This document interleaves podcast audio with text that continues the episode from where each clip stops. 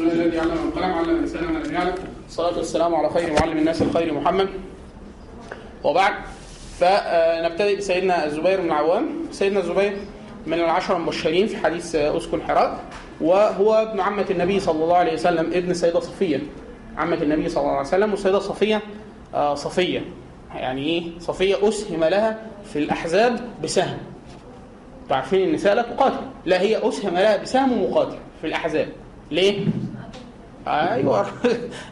لما انكشفت عورات المسلمين في المدينة النبي صلى الله عليه وسلم لما علم بحصار نيه قريش وغطفان في حصار المدينة فهو كان معاهد اليهود فاليهود ديارهم داخل في ظهور المدينة فلا فلن تؤتى المدينة من قبل اليهود من قبل حصون يهود وحفروا الخندق وقريش وغطفان امام الخندق والنبي صلى الله عليه وسلم وهو اصحابه متترسين امام الخندق فاتى الناس فاخبر النبي صلى الله عليه وسلم ان اليهود يعني إيه غدرت فكده ظهور المسلمين مكشوفة في المدينة خلاص ولم يتبقى إلا النساء والأطفال خلاص فالسيده صفية كان طبعا مع نساء فلقيت واحد يهودي بيتسلل بيتجسس كده بيشوف في حد النبي صلى سايبين حراسة ولا لأ؟ فقالت لأ لو حد إيه لو يعني لو هو ليه ما حدش عمل له حاجة كده هيقول لهم ده عورات المسلمين مكشوفة وبتاع.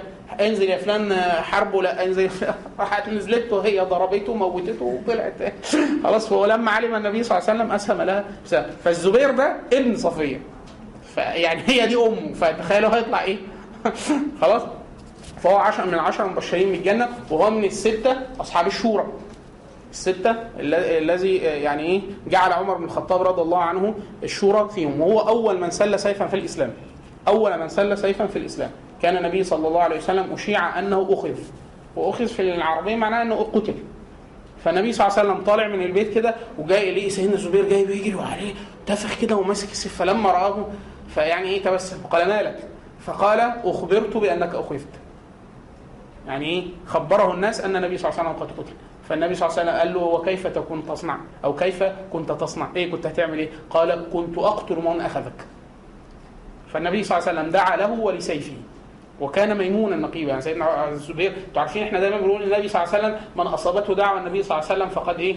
أفلح. فهو دعا له ولسيفه. خلاص فظل سيف الزبير. إحنا سيدنا الزبير هنشوفه دلوقتي في الفتوحات وبتاع. كان في ثلاث ضربات في جسمه اللي اللي يروهم. يقول لك ممكن تحط إيدك زي جروح سيدنا طلحة كده من الشق. منهم واحد في سيف في بدر في بدر وأحد واليرموك. هو أدرك اليرموك. اليرموك فيه 100 100 بدري من اصل 300 وحاجة أدركوا اليرموك عشان كده كان كتير جدا منهم إخواننا اللي هي فكرة إيه؟ الإيمان بالغيب دي ده حاجة. وفكرة إن هو إيه؟ إن النبي صلى الله عليه وسلم يقول له هتحارب الروم وهو أصلا في الأحزاب ولا مهاجر خايف ولا بتاع ففين ده؟ يدرك فين الروم؟ خلاص؟ فتخيلوا إن ده عاش أدرك بدر لغاية ما أدرك حشود الروم. شافهم شاف المسلمين انتصروا فده اللي هو إيه؟ والله يعني ما ازددنا في رسول الله صلى الله عليه وسلم إلا بصيرا فسيدنا الزبير كان من الناس اللي هم إيه؟ مشهورين جدا آه بالقتال.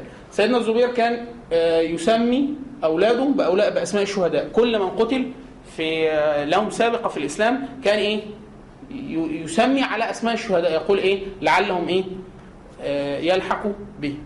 من من من أجل مناقب سيدنا الزبير بن عوام هو وطلحة هو وطلحة بن عبيد الله وسعد بن أبي وقاص هو هم الثلاثة. من جمع لهم النبي صلى الله عليه وسلم أباه وأمه. يعني هو في في في في أحد جمع للزبير وطلحة وسعد يقول اضرب فداك أبي وامي النبي صلى الله عليه وسلم يقول هذا لإيه؟ زبير وقال في حق النبي صلى الله عليه وسلم لكل نبي حواري والزبير حواري النبي صلى الله عليه وسلم. إيه الحواري؟ اللي هو إيه؟ خاصته من أصحابه. يعني إيه؟ الصحابة دول كتير جدا. مين خاصته من أصحابه؟ هو الزبير. فهو حواري النبي صلى الله عليه وسلم. هو هاجر.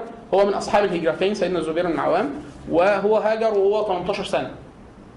هاجر 18 سنة. فأكيد أسلم صغير. يعني ممكن يكون أسلم 10 سنين مثلا. وعذب وكان من أشراف مكة. يعني عمه كان بيعذبه وهو كان أشراف مكة. على فكرة اللي, اللي كانوا عبيد زي سيدنا بلال مثلا كذا ده هو أصلا خشن واخد على الإهانة والضرب والتعذيب وكذا. أشراف مكة زي سيدنا الزبير سيدنا طلحة سيدنا عثمان سيدنا أبو بكر.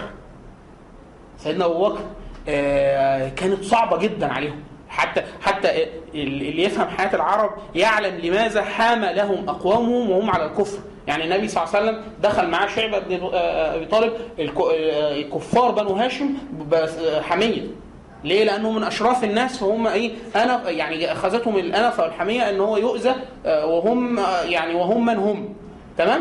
سيدنا الزبير كده آه، سيدنا طلحة كده سيدنا أبو بكر كده سيدنا أبو بكر الصديق لما ضرب ضرب حامى عن النبي صلى الله عليه وسلم فأخذ فمضى النبي صلى الله عليه وسلم وأكثر عليه الناس فضربوه حتى لا يشك أحد أنه مات. فكان فقام له قوم وهم على الكفر. يعني قام قوم أبو بكر الصديق له حمية أنفة يعني. تمام؟ فكان سيدنا الزبير بن من أشراف مكة. وهاجر هو من أصحاب الهجرتين. هاجر الحبشة ثم هاجر إلى المدينة.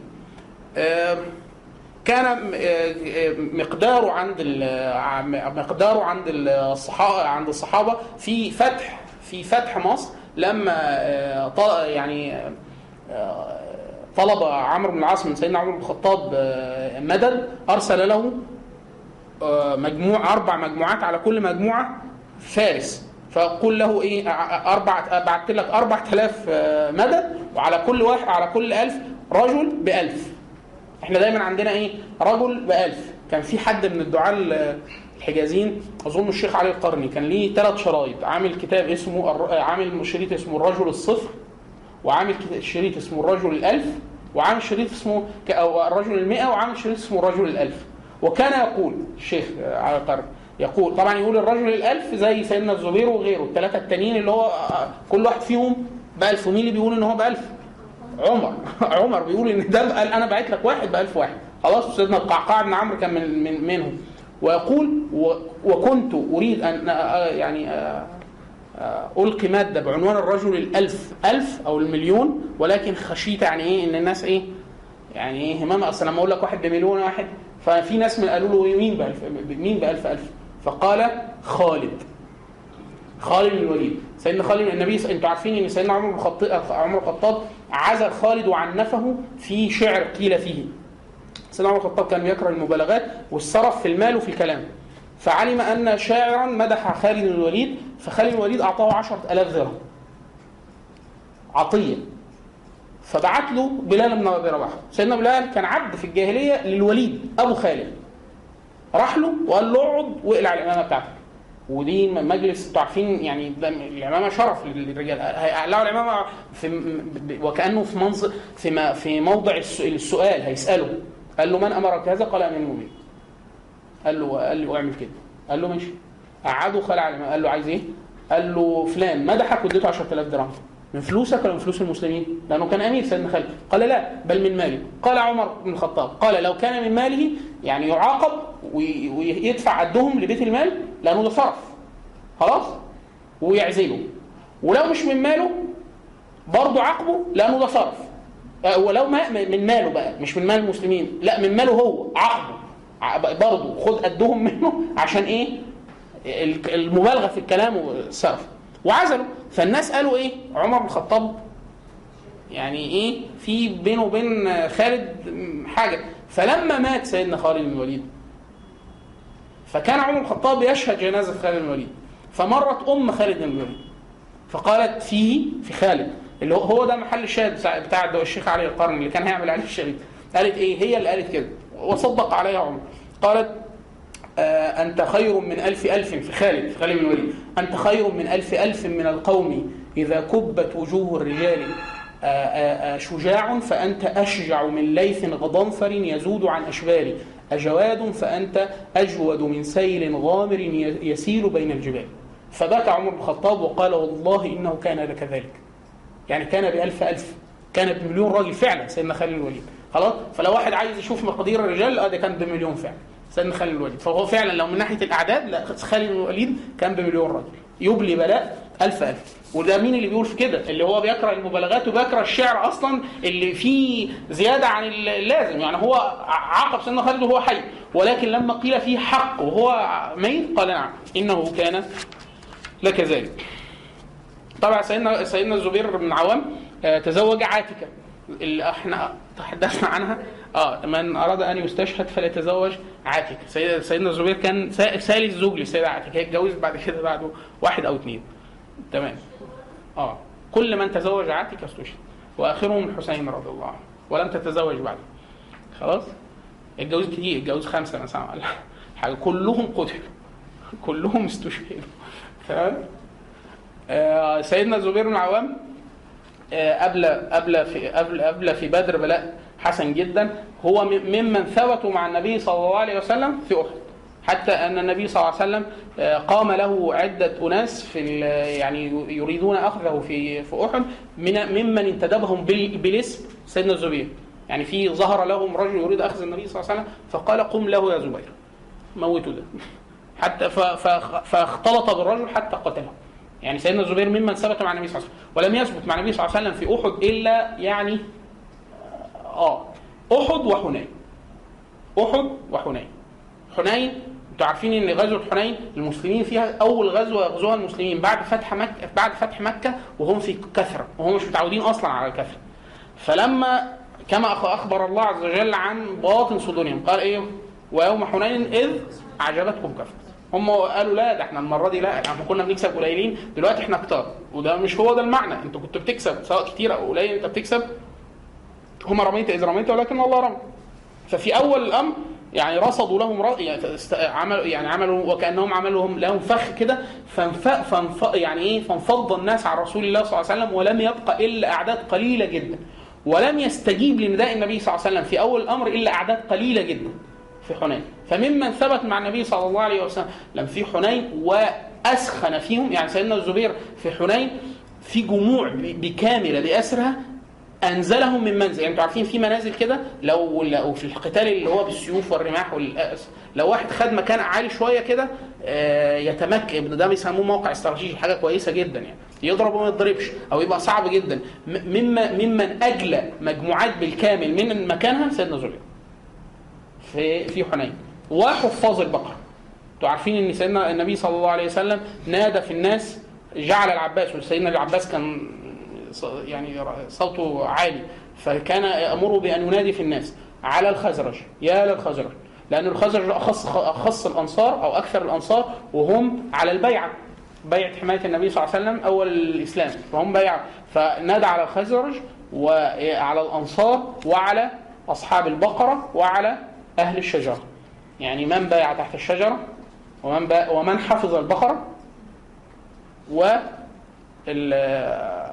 ال- والخزر هي بقى الفكرة. بقى في أنتوا عارفين أعلى حاجة على مش كده. العلوم إحنا عندنا القرآن نص. نص. العلو- العلوم اللي بتتعامل مع النص أصغر وحدة في النص الصوت. فعلم التجويد هو اللي بيتعامل مع الأصوات. والأكبر شوية البنى اللي هي البنية الكلمة. خلاص؟ فهو اللي هو الصرف. بعد كده التراكيب اللي هو النحو. وجمال التراكيب أو الفروق علوم البلاغة. تمام؟ وبعد كده المعاني مرتبطة بالسياقات ده التفسير. خلاص؟ لأنه مرتبط بإيه؟ مش بالنص اللي قدامك بس باسباب النزول وأمور أخرى. وبعد كده علم المناسبات. علم المناسبات اللي هو إيه؟ اللي هو سقف علم البلاغة اللي هو بيربط النصوص ببعضها. الفاتحه العلم سورة الفاتحه ليه في أول المصحف؟ إيه علاقة البقرة بالفاتحه إيه علاقة ال عمران بالفاتحه إيه علاقة كل آية باللي قبلها؟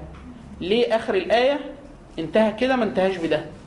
خلاص وده من أجل أجل علوم العربية وعلم دقيق جدا يعني يكاد يكون اللي صنفوا فيه الإسلام ستة خمسة ستة على بعضهم في التاريخ الاسلامي خلاص اشهرهم واجلهم الإمام البقاعي المصري اللي هو اللي هو آه، نظم الدرر ده تفسير كامل 11 كام؟ 22 مجلد. آه بس هو كتاب صعب. يعني هو مش يعني إيه، أنت ممكن تقري حاجة مبسطة فيه في علم المناسبات. في ناس كاتبة في المعاصرين حاجات مبسطة. لا ما افتكرش حاجة بعينها دلوقتي. لكن هي الفكرة في إيه؟ آه ال- الربط ده آه مبني على فهم القرآن كوحدة موضوعية آه كاملة. خلاص؟ فسورة البقرة بقى فيها إيه؟ فيها إيه؟ يعني دايما نقولوا الفتح. ليه جت بعدها البقرة؟ دايما بنقول البقرة والعمران شرح الفتح.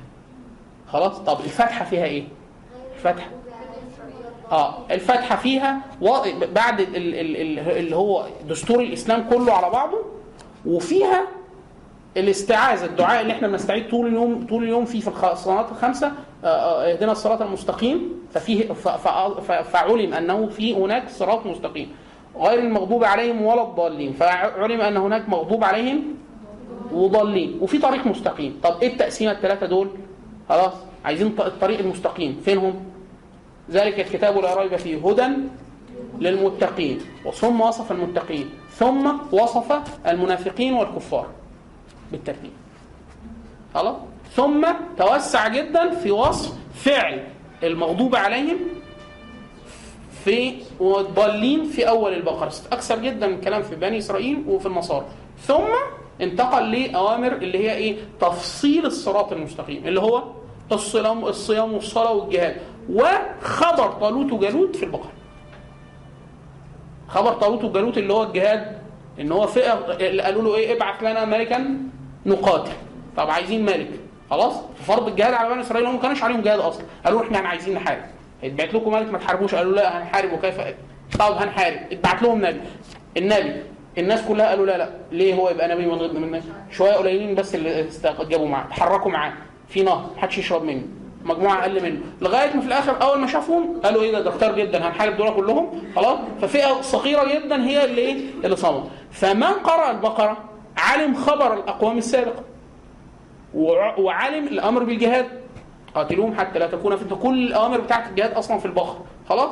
فيستدعى الناس على ماذا؟ على البقرة. وزمان هم كان اللي بيبقى حافظ البقرة إيه سيدنا عمر الخطاب حفظ البقرة في كام سنة؟ في رواية ان هو حفظها في 12 وسيدنا عبد الله بن عمر يقولوا حفظها في 8 خلاص؟ 12 سنة بيحفظ فيها عمر الخطاب. بيحفظ فيها. يعني إيه بيحفظ فيها؟ بيحفظها بيحفظها يحفظها. خمس آيات. شوف الحلال والحرام وإيه لا لا يتجاوزهم حتى يعمل ما بها آه آه آه آه. طب هو إيه اللي متبقي له بعد البقرة؟ هي البقرة تقريبا هي شرح أكبر. بعد كده المفصل شرح البقرة والعمران خلاص؟ في كان كتاب معاصر الاستاذ سعيد حوا اسمه اسمه الأساس. الأساس في التفسير. هو قائم على هذه الفكرة. الأساس في التفسير. قائم على طبعا البقاع كتاب صعب جدا جدا. يعني أنا أنا شخصيا ما أنصحش بيه. ما أنصحش بيه إن حد يقرأه يعني. عايز حد يكون مخلص مستويات كويسة جدا نحو صرف بلاغه يعني مستوى في علوم الآلة استيفاء كامل ويروح. لو عايز يقرأ حاجة بسيطة لا ممكن يقرأ إيه؟ يقرأ إيه؟ يقرأ حاجة في الأساس أو كده. سعيد الأستاذ سعيد حوا الشامي. تمام؟ طيب طبعا إحنا آه آه، اتفضل. آه المغرب؟ طيب. ماشي اسألي وهنصلي صلى الله عليه وسلم النبي صلى الله عليه وسلم؟ النبي صلى الله عليه وسلم كان يقول النبي الصحابة في يعني كنا نعد الرجل يعني فينا يعني يعني مقاتل وكذا إذا ساوى النبي صلى الله عليه وسلم في القتال. يعني اصل أنتوا عارفين اللي في أول المعارك ده ده كان قتال بسيوف ورماح وبتاع فده حد يعني إيه لو واحد ساوى النبي صلى الله عليه وسلم في القتال يبقى فهو هو.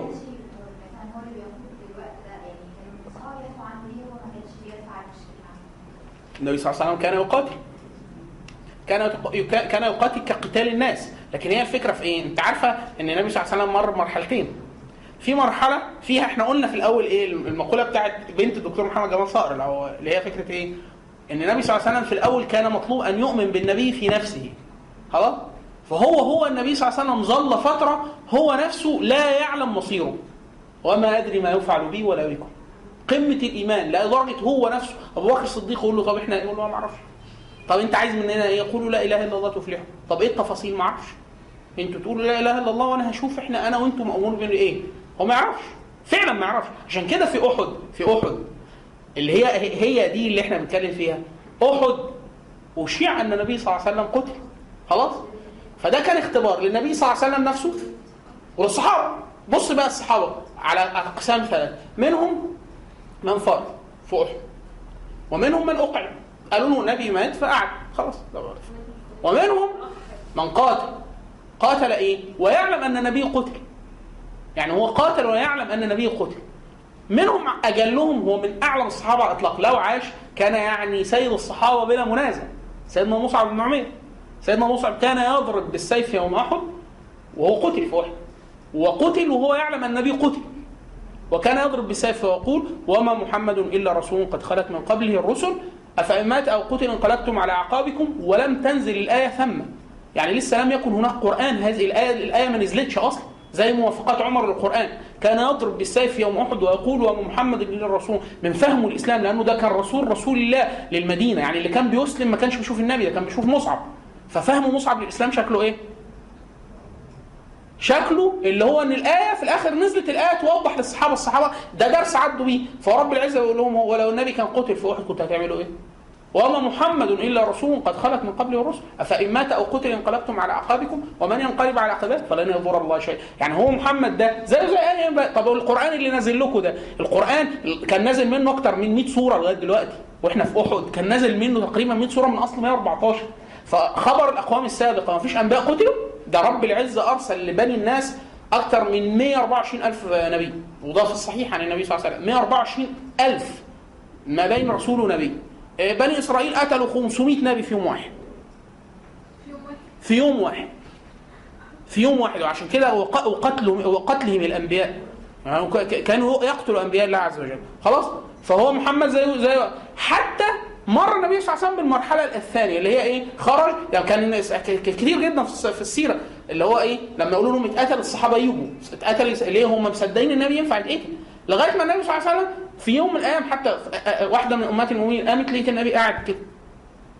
قاعد على الفراش مش قادر ينام. فتقول له قال قال النبي صلى الله عليه وسلم وددت أن يعني أحد من اصحابنا يحرسنا الليل. مش عارف ينام.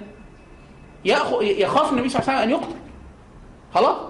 فسمع قعقع السلاح خارج فقال من؟ قال الزبير. جاي يحميه. فنام النبي صلى الله عليه وسلم. ثم خرج لهم النبي صلى الله عليه وسلم في يوم لما نزلت إيه؟ والله يعصمك من الناس. أول ما نزلت الآية دي فالنبي طلع لهم إيه؟ من الحجر وهو نايم قال لهم خلاص إيه؟ يعني خلاص. ده دي مرحلة ثانية اللي هو إيه؟ النبي صلى الله عليه وسلم اللي هو كان نايم تحت الشجرة وصحي لي أعرابي ماسك السيف وهو إيه؟ على الكفر. وقال من يعصمك مني؟ للنبي. يريد قتل النبي صلى الله عليه وسلم. النبي صلى الله عليه وسلم قال له إيه؟ قال الله. فاهتز السيف فوقع فعلاه النبي صلى الله عليه وسلم. قال من يمنعك مني؟ قال كن خير آخر. يعني ما تقتلنيش. قال له طب تسلم. قال له لا ما أسلمش. قال له طب يعني النبي صلى الله عليه وسلم يطلقه ولا يقاتل مع ضد النبي صلى الله عليه وسلم فأخذ عليه عهد بهذا. لكن الشاهد إيه؟ إن المرحلة الأولى إن هو كان إيه؟ ينفع يتقتل؟ آه يبقى يعمل إيه؟ يلبس مغفر ودرع وسيف ويعمل كل حاجة. خلاص؟ ويدفع عن الناء عن نفسه. بعد كده في مراحل ثانية لا هتشوف النبي صلى الله عليه وسلم بيتصرف تصرف تصرف إيه؟ بشكل مختلف. يعني في حنين في حنين النبي صلى الله عليه وسلم إيه؟ البغلة كانت بغلة النبي صلى الله عليه وسلم يعني في في الناس وكان العباس يأخذ بزمان الدابه والنبي صلى الله عليه وسلم يقول أنا النبي لا كذب أنا ابن عبد المطلب. خلاص؟ لا هو كان خلاص. اللي هو فكرة إيه؟ أما النبي صلى الله عليه وسلم فمعصوم. حتى معصوم القتل. هو دي حاجة ثانية خلاص؟ في مرحلة ثانية شوفي النبي صلى الله عليه وسلم في بدر. وضع مختلف خالص. الليل كله إن الصحابة نايمين وهو كما وصفه أبو بكر الصديق هو يعني بياض ابطيه يبدي رافع إيده في السماء ولغاية ما يعني رداء النبي صلى الله عليه وسلم ينزح عن كتفيه وهو يبكي يقول اللهم ان تهلك هذه العصابة فلن تعبد في الأرض بعد اليوم. وخاطب رب العزة بهذا حتى حتى أتاه أبو بكر أبو بكر الصديق من خلفه يعني إيه ورد عليه قال يا رسول الله إن الله عز وجل منجز لك ما وعدك. يعني إيه؟ لكن أهل العلم أهل وبالذات أهل السلوك الصوفي يقولوا المقام ده غريب جدا تحسوه معكوس. يعني أبو بكر المفروض اللي يدعي بالطريقة دي والنبي اللي يطمنه. إيه بقى؟ حد حد حد سمع حاجة في ده أو قرأ حاجة في ده؟ ليه الموضوع يبدو معكوس؟ أبو بكر الصديق ده بيسموه مقام الصديقية. يعني إيه مقام الصديقية؟ يعني هو هو مصدق ببعثه النبي صلى الله عليه وسلم. فهو مقامه ده مقام تصديق أصلا إن النبي صلى الله عليه وسلم إيه؟ منصور فقال له يا رسول الله أكثرت على ربك فإن الله منجز لك ما وعد خلاص؟ فده مقام واحد إيه؟ صدق أما النبي صلى الله عليه وسلم فهو يعني إيه؟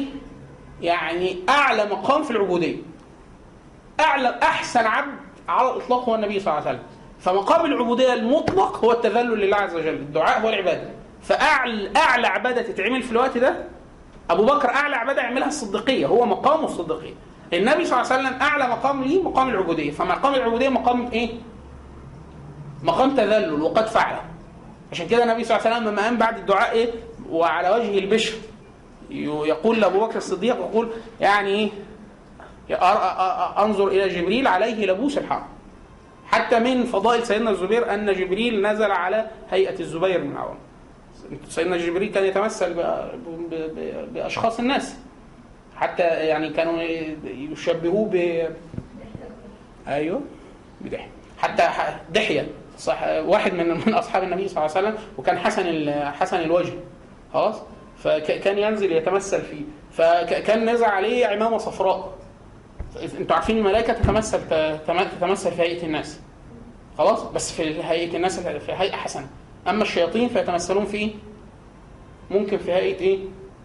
ما يعني ما يستحقر من الحيوانات أو البهائم أعزكم. الله لكن الملائكة لا يعني إيه في صورة حسنة. طيب سبحانك اللهم وبحمدك أشهد أن لا إله إلا أنت أستغفرك وأتوب إليك. نصلي المغرب ونرجع شكور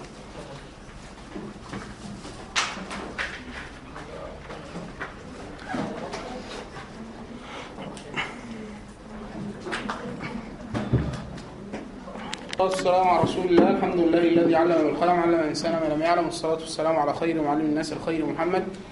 وبعد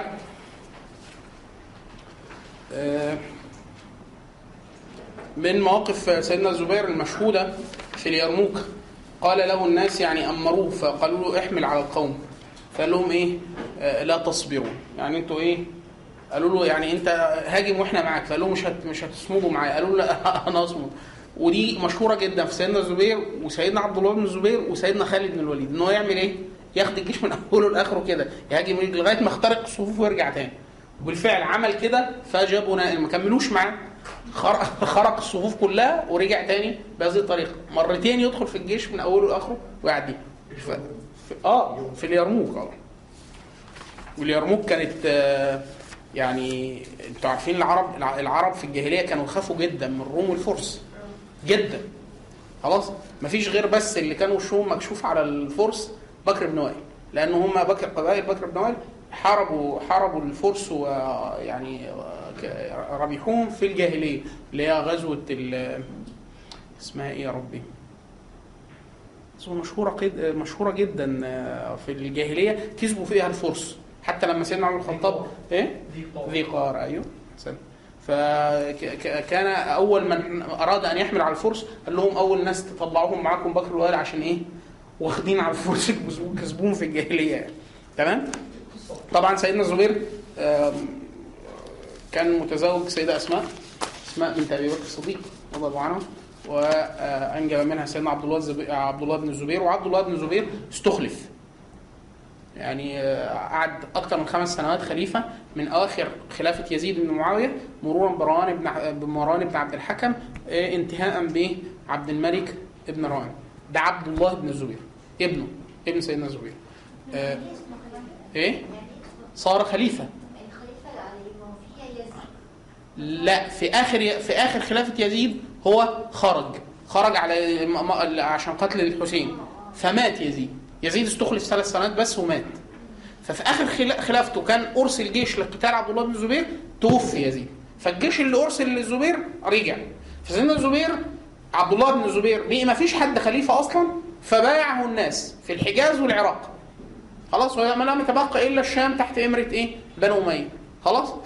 ثم بايع بني أمية مروان ابن الحكم. خلاص؟ قعد سنة والزبير مبايع ليه في الحجاز والعراق ثم مات. خلاص؟ ومفيش خليفة. والناس تبايع عبد الله بن الزبير. حتى في خلافة عبد الله بن الزبير هد الكعبة وبناها على أصولها الأربعة. حديث النبي صلى الله عليه وسلم لعائشة قال لولا ان قومك حديث عهد بكفر لا هدمت الكعبة وبنيت على قواعد إبراهيم. أنتوا عارفين إن الكعبة لغاية دلوقتي حتى الآن كعبة أهو وفي حجر إسماعيل كده. حجر إسماعيل ده جوه الكعبه هو أصلا ده يعني الحق إن حجر إسماعيل ده يتشال والمربع المكعب بتاع الكعبة يبقى ده كله. لكن العرب لما بنوه في الأول خالص في الجاهلية كان عندهم قلة قلة في المال. فما كانوش معاهم فلوس يعملوا غير المبنى ده والباقي راح عملوا حجر إسماعيل كده قالوا إن إيه بحيث ما حدش يطوف جوه الكعبة. لو العرب كانت بتطوف في الجاهلية. خلاص؟ فكانوا يطوفوا من بره. والنبي قال كده بس إيه خوفا من الناس كانوا حديث لسه عهد بالاسلام فقالوا إيه لا يقولوا إيه ده ده هد, الكعبة أو حاجة كده. خلاص؟ فلما استقر إيمان الناس. في خلاف عبد الله بن الزبير فهدم الكعبة وأقامها على قواعد إبراهيم كما أراد النبي صلى الله عليه وسلم. لما قتله الحجاج بن يوسف قتل عبد الله ابن زبير ابن سيدنا الزبير فقال لك إيه؟ الناس تقعد فاكرة الزبير هو اللي بان كعبة الزبير بان هدها ورجعها تاني وعمل حجر إسماعيل. خلاص؟ لما جاء بنو العباس في خلافه بنو العباس وكان الإمام مالك هو إمام المدينة آه قالوا له نهدها ونهدها ونبنيها على قواعد إبراهيم. قال لا. كلما أتى أمير تلعب بالكعبة لا. تقعد تعد وتبنيها تعد وتسيبوها زي ما هي. خلاص؟ فبقيت بقيت إلى يوم الناس هذا على هذه الهيئة. اللي هي الهيئة المفروض الحق الحقيقي إن هو حجر إسماعيل يتشال وتبقى إيه؟ من كلها مكعب على بعضها. خلاص؟ طيب سيد عبد الله بن الزبير هو اللي استخلف على جيش الشام بعد خالد بن الوليد؟ ولا مين؟ لا سيدنا أبو عبيده أبو عبيده بن الجراح. طيب آه، سيدنا سيدنا أبو عبيده بن الجراح أنا حابب إن نقول نتكلم عنه الأول. بعد سيدنا الزبير طبعا سيدنا الزبير إحنا مر علينا في المره في المرات السابقة مقتله هو طبعا إيه؟ اللي هو الجزء اللي إحنا ده ده المكرر ما بينه وبين سيدنا علي فإحنا مش هنقوله تاني. اللي هو إيه؟ مقتله في الفتن.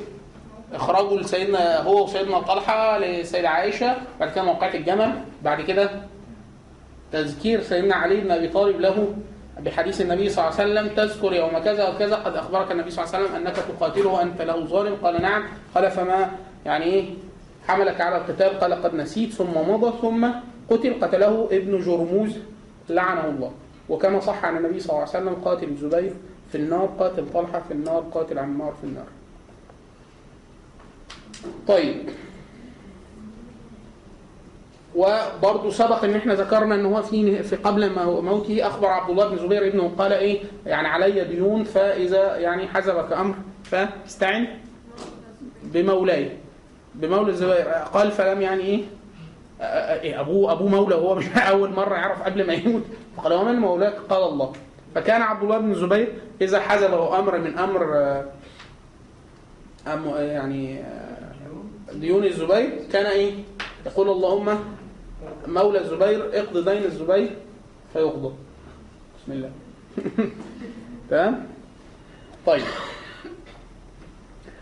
آه، سيدنا أبو عبيدة بن الجراح أبو عبيدة عامر ابن الجراح هو آه، طبعا من من العشرة المبشرين بالجنة ده حاجة لوحده. من أخص خصائصه أنه أمين الأمة. لكل أمة أمين زي حواري سيدنا زي زبير حواري النبي صلى الله عليه وسلم. لكل أمة أمين وأمين هذه الأمة أبو عبيدة بن الجراح. هنا بقى حاجة من فائده يقولها ال- ال- ابن- حجر. آه، ابن حجر العسقلاني. آه، أمير المؤمنين في الحديث. يقول إيه؟ طب ما كل الصحابة أمناء. إيه تميز إيه تميز الزبير إيه تميز أبو عبيدة؟ بنقول إيه؟ ان كل صحابي في خصلة عالية جدا فيه هو خلاص؟ وإلا كل الصحابة مثلا فيهم شجاع شجعان. لكن الزبير حاجة لوحده كده. سيدنا خالد حاجة لوحده. الفصاحة. طب ما كتير جدا من الناس إيه؟ آه فيهم فصاحة وكذا. لكن لما تذكر الفصاحة يذكر عمرو بن العاص. سيدنا عمرو بن العاص. كان سيدنا عمر بن الخطاب لما يشوف واحد متلعثم كده أو عي ما بيعرفش يتكلم يقول سبحان الله العظيم الذي خلق هذا وخلق عمرو اله واحد. يعني ده و... وكان عمرو آه، بن معدي كرب ومن فرسان الجاهلية المعدودين. آه، وكان أص- اسلم حسن الاسلام وكان سيدنا عمر الخطاب لما يشوفه يقول الذي خلقنا خلق عمرو. من من من, إيه؟ من, من يعني آه من إعجابه بيه يعني. خلاص؟ ففكرة آه، آه عمرو بن معدي كرب. آه. لا من العرب فيهم كان فيهم خالد بن الوليد. ببساطة شديدة جدا اللي يقارن خالد بن الوليد بأي حد تاني. أمه قالت فيه بمليون واحد قال لها أيوه. أيوه. أيوه بمليون. لحظة. آه، من من اللي اللي, اللي سيدنا أبو عبيده بن الجراح يعني إن هو إن هو النبي صلى الله عليه وسلم يخ- يخ- يخصه بان هو أمين رحمك الله. إن هو أمين الأمة دي حاجة. إن هو من 10 المبشرين دي حاجة. خلاص؟ ولكن في حاجة كبيرة جدا بس في السيرة كده تلاقيها إيه؟ مستخبية شوية؟ لا حبر الأمة سيدنا عبد الله بن عباس. اللي هي فكرة إيه؟ إن سيدنا أبو بكر الصديق ركزوا قوي في دي ركزوا قوي في دي. لأن إحنا إيه؟ في ناس بنعرف مقدارهم بمقادير ناس ثابتة عندهم. أبو بكر أبو بكر خلاص؟ فلما أبو بكر الصديق قام خطيبا في في آه في في سقيفه بني ساعده قال للأنصار إيه؟ بعد ما اطال الكلام قال وأنا أرضى لكم رجل من أو أرضى لكم أحد الرجلين يرحمك الله أحد الرجلين هذا عمر وهذا أبو عبيدة بن عامر بن الجراح. فهو راضي أبو بكر الصديق راضي للأمة يده يده ودي منقبة ما بعدها منقبة. إن قال لهم أنا أرضى لكم ده أنا أرضى لكم ده. فده عمر وأبو عبيدة ميزان واحد. خلاص؟ عمر بن الخطاب لما جه يموت هو حسبها في ستة. ستة فيهم عبد الرحمن بن عوف وسعد بن أبي وقاص وعلي بن أبي طالب والزبير وطلحة وعثمان كده. ويقول ولو كان أبو عبيدة بن الجراح حي لاستخلفته. كان نص عليه قال لهم أبو عبيدة. ليه؟ فإذا سألني ربي قلت له سمعت النبي صلى الله عليه وسلم يقول لكل أمة أمين وأمين هذه الأمة أبو عبيدة بن الجراح فالراجل ده إيه؟ حاجة كده إيه؟ يعني إيه؟ لو- لوحده لما سيدنا عمر بن الخطاب يعزل سيدنا خالد أبو عبيدة بن الجراح لا يعني الراجل إيه؟ عشان كده إيه مخصوص عشان كده لما تيجي منه جات منه حاجة مرة كده عربا ما تجيش منه سيدنا سيدنا عمر لامه أنتوا عارفين سيدنا عمر الخطاب لما آه، لما فتحت الشام وقالوا له تعالى إيه؟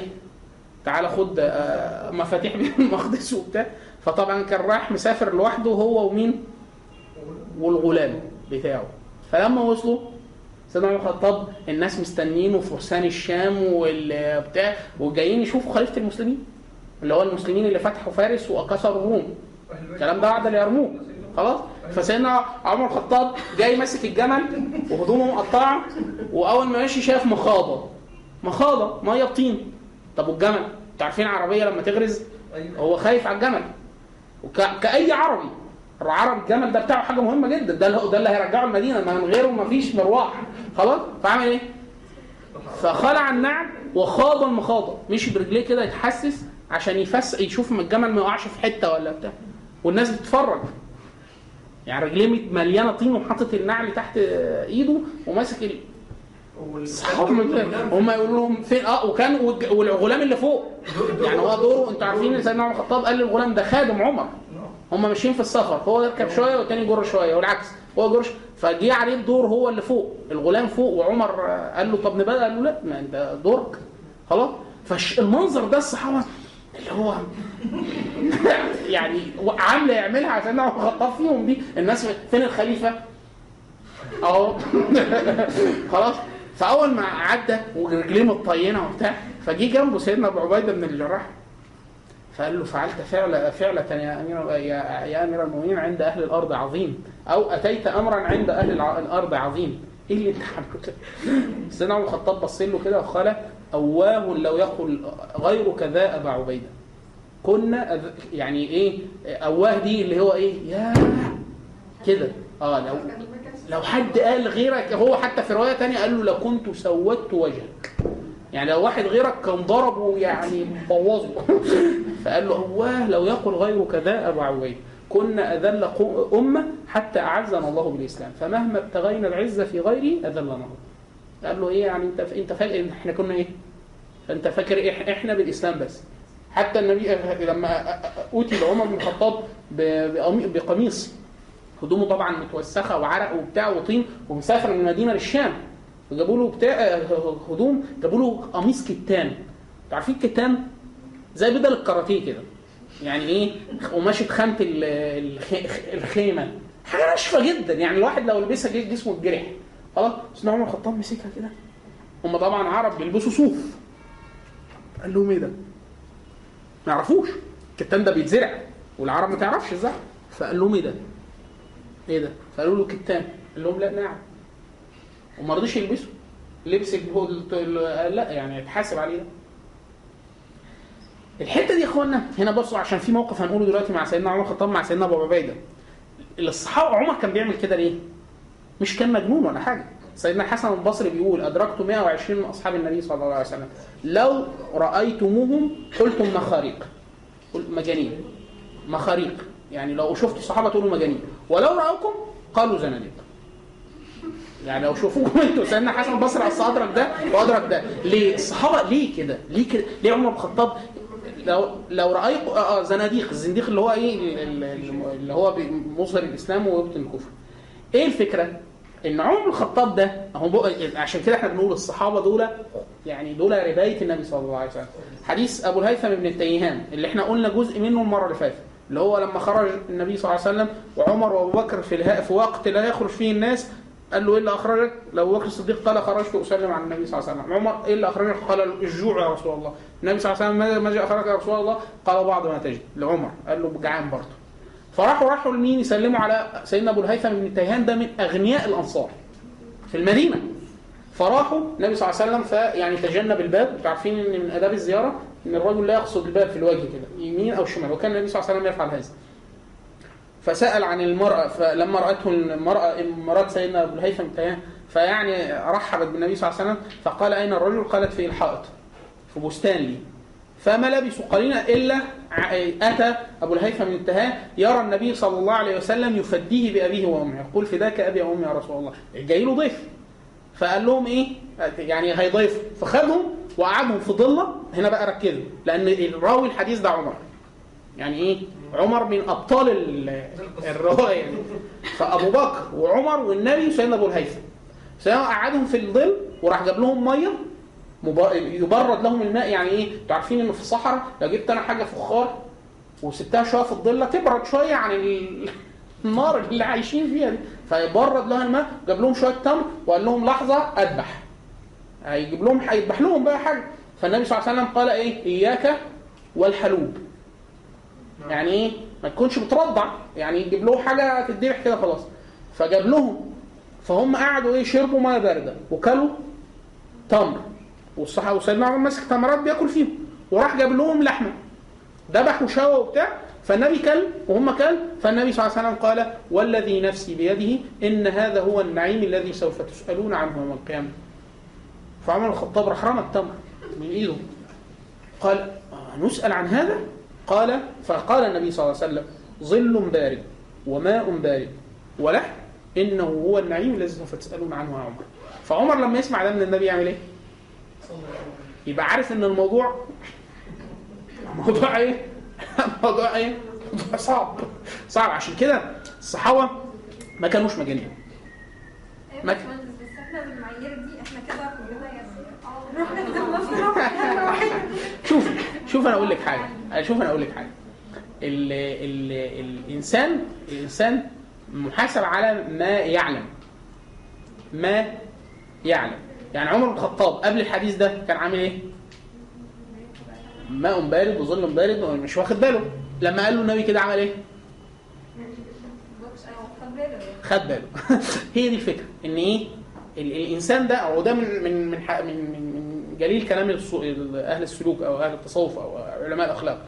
إن الطريق الله عز وجل يقول لك إيه؟ درجات. درجة درجة درجة درجة. يعني الإنسان مش بي بي من دلوقتي بعدها بدقيقتين بي بيتحول. ده إيه؟ يعني عمر بن الخطاب اللي إحنا بنتكلم عنه عمر اللي راح الشام ده هو هو عمر اللي كان بياكل كويس ويشرب كويس ويلبس كويس ويعمل كل حاجة وقعد آه آه آه ماشي مع النبي إيه؟ سيدنا معاذ معاذ بن جبل. معاذ معاذ ده أعلم أمة محمد بالحلال والحرام لما النبي صلى الله عليه وسلم قال له يعني إيه؟ إن الإنسان مؤاخذ على إيه؟ على كلامه أو كذا ف فقال له آه أو محاسبون نحن على يعني إيه؟ آه على الكلام أو كده فقال ويحك معاذ ألا ولا يكب الناس على مناخيرهم في النار إلا السنة السنتين فهو كده إيه؟ معاذ قبل الروايه غير معاذ بعد الروايه خلاص ده غير ده. وهكذا. عشان كده ال- ال- الصحابة هي الفكرة في إيه؟ واحدة واحدة واحدة واحدة. التصور إن انت إن مقارنة حالك دلوقتي بالصحابه هي دي اللي إيه؟ دي بتبين الفارق. لكن أنت ما تتصوريش إن أنت هتبقى هتبقى في المنزلة دي كده. دي بتتعمل كده بهذه الطريقة. عشان كده كتير جدا جدا من متاخر الأمة يقع فيهم ما يشابه احوال الصحابه ما يشابه احوال الصحابه لكن هنا لو إحنا عايزين ندرك شيء في أحوال الصحابه ندرك إيه؟ لو على التحمل في الأكل والشرب وكذا طب في ناس كانت يعني إيه في, في, ساعة وكذا. من من من مناقب عبد الرحمن بن عوف يمكن إحنا ما ذكرناش دي. سيدنا عبد الرحمن بن عوف أوتي مرة له بماء بارد وطعام. بماء بارد وطعام. طبعا إيه مشكلة الماء البارد دي برضه عشان بس الناس تبقى واخدة بالها. ليه الصحابة كتير جدا كم المرويات اللي الصحابة لما يوضع عليه ماء بارد وخاصة بعد النبي صلى الله عليه وسلم. يعني خلاص كان ممكن لهم في الأرض وبتاع تلاقيه يبكي. عبد الرحمن بن عوف الرواية بتقول كده إن هو أوتي له بماء بارد وطعام ثم بكى. ورفع عنه الطعام ما ف- فقالوا له إيه؟ فقال يعني إيه؟ أدركت من هو خير مني مصعب بن عمير. لما قتل يوم أحد النبي صلى الله عليه وسلم يغطوه أصحابه كده وشه يغطوه يتكشف رجله يغطوا رجليه يتكشف وشه. هو كان من من من أغنى الناس وأطيب الناس وكان ثري جدا في مكة. خلاص. ثم تذكرت ما نحن فيه فاخاف ان تكون عجلت لنا إيه فاه يعني إحنا في الدنيا وليس لنا في الاخره من خلاق أو من نصيب ده عبد الرحمن بن عوف خلاص هو إيه بقى موضوع الماء البارد ده؟ أنتوا عارفين إيه اسمه؟ يعني نعمه كده كبيره جدا زي عندنا إحنا دلوقتي ماشي ده في العموم ده ده في العام لا لا هو هو نص النبي صلى الله عليه وسلم أن من أول ما عارف يقف ما منكم إلا يقف أمام الله عز وجل. ليس بينه وبين ترجمان. أول ما النعم التي يقررها الله عز وجل على عباده يقول عبدي ألم أسقيك الماء البارد؟ ده نص حديث النبي في الحديث القدسي. خلاص؟ ألم أزوجك؟ فهو من من نعيم الدنيا. ألم أسقيك الماء البارد؟ ألم أزوجك؟ الم الم فده ده هو عشان كده إيه؟ هو ده من جملة عشان كده إحنا دايما بنقول إيه؟ إن هذا الدين قائم على الوحي. الوحي ده الكتاب والسنة كل ما يستكثر الإنسان من الكتاب والسنة تستقيم له الطريقة يعني إيه؟ الصحابة ليه كانوا عاملين كده؟ زي ما الحسن البصري قال لهم قال إيه؟ مخاريق. لو شفتوهم تقول مجانين. ليه مجانين؟ ليه مجانين؟ لأنه كم النصوص اللي عنده مخليه مش شايف اللي أنت شايفه. يعني انت شايف المية شايفها إزاي؟ خلاص؟ هو شايف الأكل والشرب والزواج وبتاع. لا شايف كل حاجة إيه؟ عشان كده سيدنا أبو أيوب الأنصاري سيدنا أبو أيوب الأنصاري رؤي وهو يناهز ال 90 حاجة 90 سنة. وبيلبس لبوس الحرب عمال يشد وبتاع ولابس دروق ده طالع مع غزوة. كانت غزو في البحر. اللي هو هو دفن أبو أيوب الأنصاري ده مسجد السلطان أيوب اللي في تركيا. قبل فتح ديار الترك. كانت لسه المسلمين بيتيخوهم الروم. فهو دفن على أسوار مدينه مدن الروم. هو قال لهم ادفنوني في أبعد حتة في أرض الروم في أرض الجهاد أو كذا فسيدنا أبو أيوب حاجة و70 حاجة و90 سنة بيخرج للجهاد يخرج ليه؟ لما عدى عليه الناس وقالوا له إيه؟ اجلس قد أعذرك الله عز وجل. الكبير ده ده معلوش جهاد. فقال قال, لا نزلت فينا. ده هو شايف شايف الدنيا زي إيه؟ شايفها زيك انت؟ لا. قال إيه؟ نزلت فينا فينا. هو نزل فيه قرآن. ده هم اللي كان بينزل فيهم قرآن. نزل فيهم إيه؟ انفروا خفافا وثقالا. قال أي شبان وشيوخ. ودي من من أحاديث من التفسير المرفوع. التفسير إحنا عندنا بالرواية بالأثر بالمأثور. في تفسير بالماثور وفي تفسير بالرواية. تفسير بالماثور يعني روايات عن الصحابة أو التابعين أو التابعين للنبي صلى الله عليه وسلم. فدي من التفسير المأثور عن أبو ايوب تفسير انفروا خفافا وثقالا. خفافا وثقالا يقول لك إيه؟ أغنياء وفقراء وشبابا وشيوخ. وقد نفر وهو يعني ينازل 90 ليه؟ هو ده هو كان يقول إيه؟ يقول إيه؟ أخرجتنا البحوث. البحوث اللي هي إيه؟ سورة التوبة. قاعد هو بيقول لهم إحنا نزلت فينا سورة التوبة، سموها البحوث ليه؟ لأن قال لك فظل الله عز وجل يقول ومنكم ومنكم في الآية في التوبة ومنكم من؟ ومنكم من؟ كل المنافقين جايين يعتذروا للنبي صلى الله عليه وسلم بأعذار حتى لا يخرجوا معه في غزوة العسره في تبوك حتى ظننا أن الله عز وجل لا يغادر منا أحد. هيقول كلكم منافقين. ده في الصحابة. فهم بعد وفاة النبي صلى الله عليه وسلم القرآن ده بيمثل ليهم إيه؟ هي دي الفكرة. فكم النصوص كل ما إنسان يقترب من نصوص الكتاب والسنة بقدر فهما وعملا يقترب منه إيه؟ يقترب من حالهم. أهم حال على الإطلاق هو الحال إيه؟ القلب. عشان كده سيدنا عبد الله بن مسعود لما أدرك كثير جدا من التابعين ودي حاجة قد يستغربها كثير من الناس إن التابعين كانوا أكثر عبادة من الصحابة. في الصلاة والصوم. في الصلاة والصوم. فقال سيدنا عبد الله بن مسعود قال أنتم أكثر صياما وصلاة من أصحاب النبي صلى الله عليه وسلم وهم خير منكم. أو هم أتقى منكم. أو هم هم خير منكم. فقالوا فبما؟ قال بإيه؟ زهد في الدنيا و آه، يعني الزهد في الدنيا والطمع في الآخرة. يعني إيه؟ هو عمل قلبي أصلا عمل إيه؟ عمل قلبي مش مش عشان كده إحنا دايما نقول واهل السلوك يقولوا إيه؟ المسافة لله عز وجل أو الطريق لله عز وجل لا يقطع به بالأرجل ولكن يقطع بالقلوب. وده المقولة الشهيرة جدا في أبو بكر. هي لا تصح عن النبي صلى الله عليه وسلم بس مشهورة جدا إن هو إيه؟ ما سبقكم أبو بكر بكثرة صيام ولا صلاة ولكن بشيء اخر في الطريق. أبو بكر ده اللي هو آه، آه، يا رسول الله أكثرت على ربك إن الله منجز معادك ده, إيه؟ دي حاجة إيه؟ ده حاجة قلبي. طيب. طيب إحنا قلنا آه، سيدنا أبو عبيدة. إحنا عايزين آه إحنا قلنا برضو من من فضائل الصحابة من فضائل الصحابة من أجل فضائل الصحابة ان نزل فيهم قرآن. يعني القرآن اللي بيتلى ليوم ال- اليوم ليوم القيامة ده عبارة عن كلام عن عشان كده إحنا قلنا في سيدنا علي في حديث في آية واثنين وثلاثه هذان خصمان علي. علي كده. أبو عبيدة بن الجراح من أجل مناقبه إن هو نزلت فيه آية تعتبر دستور للمؤمنين. دستور للمؤمنين. هو قاتل ابيه هو قتل أبوه يوم بدر. خلاص؟ فنزل فيه قرآن. قل إن كان آباؤكم وأبناؤكم وأخوانكم وأزواجكم وعشيرتكم وأموال, وأموال اقترفتموها وتجارة تخشون كسادها ومساكن ترضون أحب, أحب إليكم من الله ورسوله وجهادا في وجه- وجهاد في سبيله فتربصوا حتى يأتي الله بأمره والله لا يهدي القوم الفاسقين. سورة التوبة. نزل فيه قرآنا ليه؟ لأنه قل إن كان آباؤكم. خلاص؟ وقد قتل آباؤكم. عشان كده سي- سيدنا سفيان بن عيينة من أئمة أهل الحديث لما قالوا له إيه؟ كان ظهر في من أوائل الفرق التي ظهرت في الإسلام المرجئة. ال- فالمرجئة بيقول إيه؟ أنا إيماني زي, زي جبريل وميكائيل. إيمان- ما دام أنا ما هو دام قلت لا محمد رسول الله إيماني اللي هو إيه؟ يعني البطارية مشحونة 100% ما بتنقص خلاص؟ لو عملت أي معاصي بتنقص عملت أي طاعات ما يزيدش. الإيمان ثابت. ما دام قلت لا إله إلا محمد رسول الله. بس. فلما راحوا سألوا سيدنا سفيان بن عيينة قالوا له يعني؟ قال القول قول ما كلامه كان صح. قبل أن تنزل فرائض. يعني إن الله عز وجل أمرهم بأن يقولوا. النبي الأول كان بيقول لهم إيه؟ قولوا لا إله إلا الله إيه؟ تفلحوا. فلما قالوها خلاص. ثم أمرهم بأن يهاجروا. فمن لم يهاجر لم تنفع قولتهم الأولى ونزل فيهم قرآن.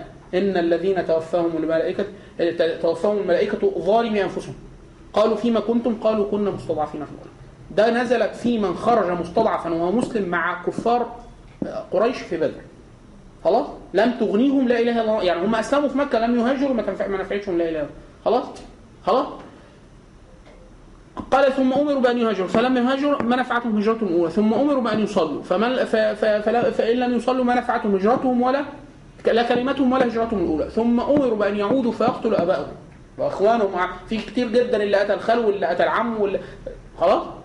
فلو لم يفعلوا أي لو لم يجاهدوا في سبيل الله ما نفعتهم صلاتهم ولا هجرتهم ولا كلماتهم الأولى. هي دي إيه؟ الترتيب. فده م- م- واحد نازل فيه دستور إيماني اللي هو إيه؟ لم هو قاعد يتعب قاعد يبقى شايف أبوه. أبوه. خلاص؟ عمال يبعد والتاني م- يعني عمال ي- يترصده خلاص انت إيه؟ الوشائج عشان كده إحنا بنقول في الإسلام في الأول في في الهجرة لما النبي صلى الله عليه وسلم اخى بين المهاجرين والانصار اخى على اخى بينهم على الحقيقة. يعني لو واحد لو كان مات مين اللي يورثه؟ هو ده أخوه ده اللي هو ما فيش أي أصلا بينهم بين بعض دم. لكن خلاص؟ لكن هو أصبحوا إخوان بوشيشة الإيمان أو رابطة الإيمان الجديدة. طيب.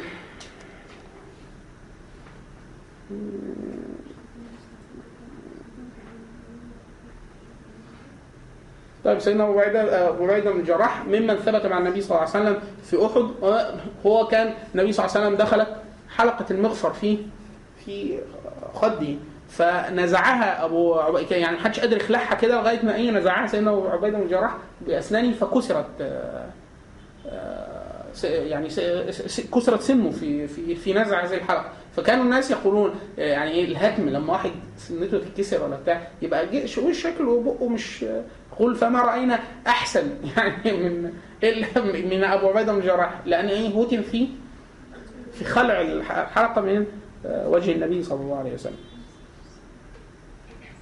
طيب.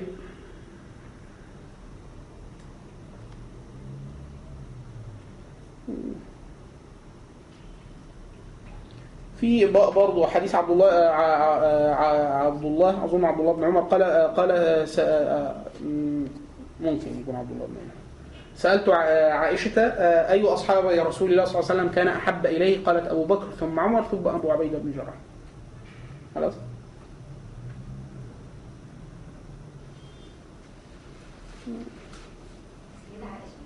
نعم. سأل سأل عائشة يعني عبد الله سأل عائشة. أيوة أصل مين اللي يعرف ده؟ ما هي عائشة ما هو مين اللي يعرف إيه؟ مين يعرف ده يعني إيه خصائص النبي صلى الله عليه وسلم؟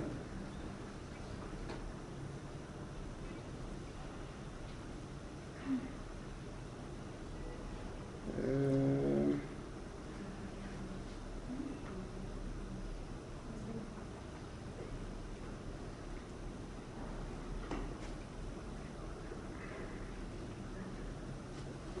ماشي.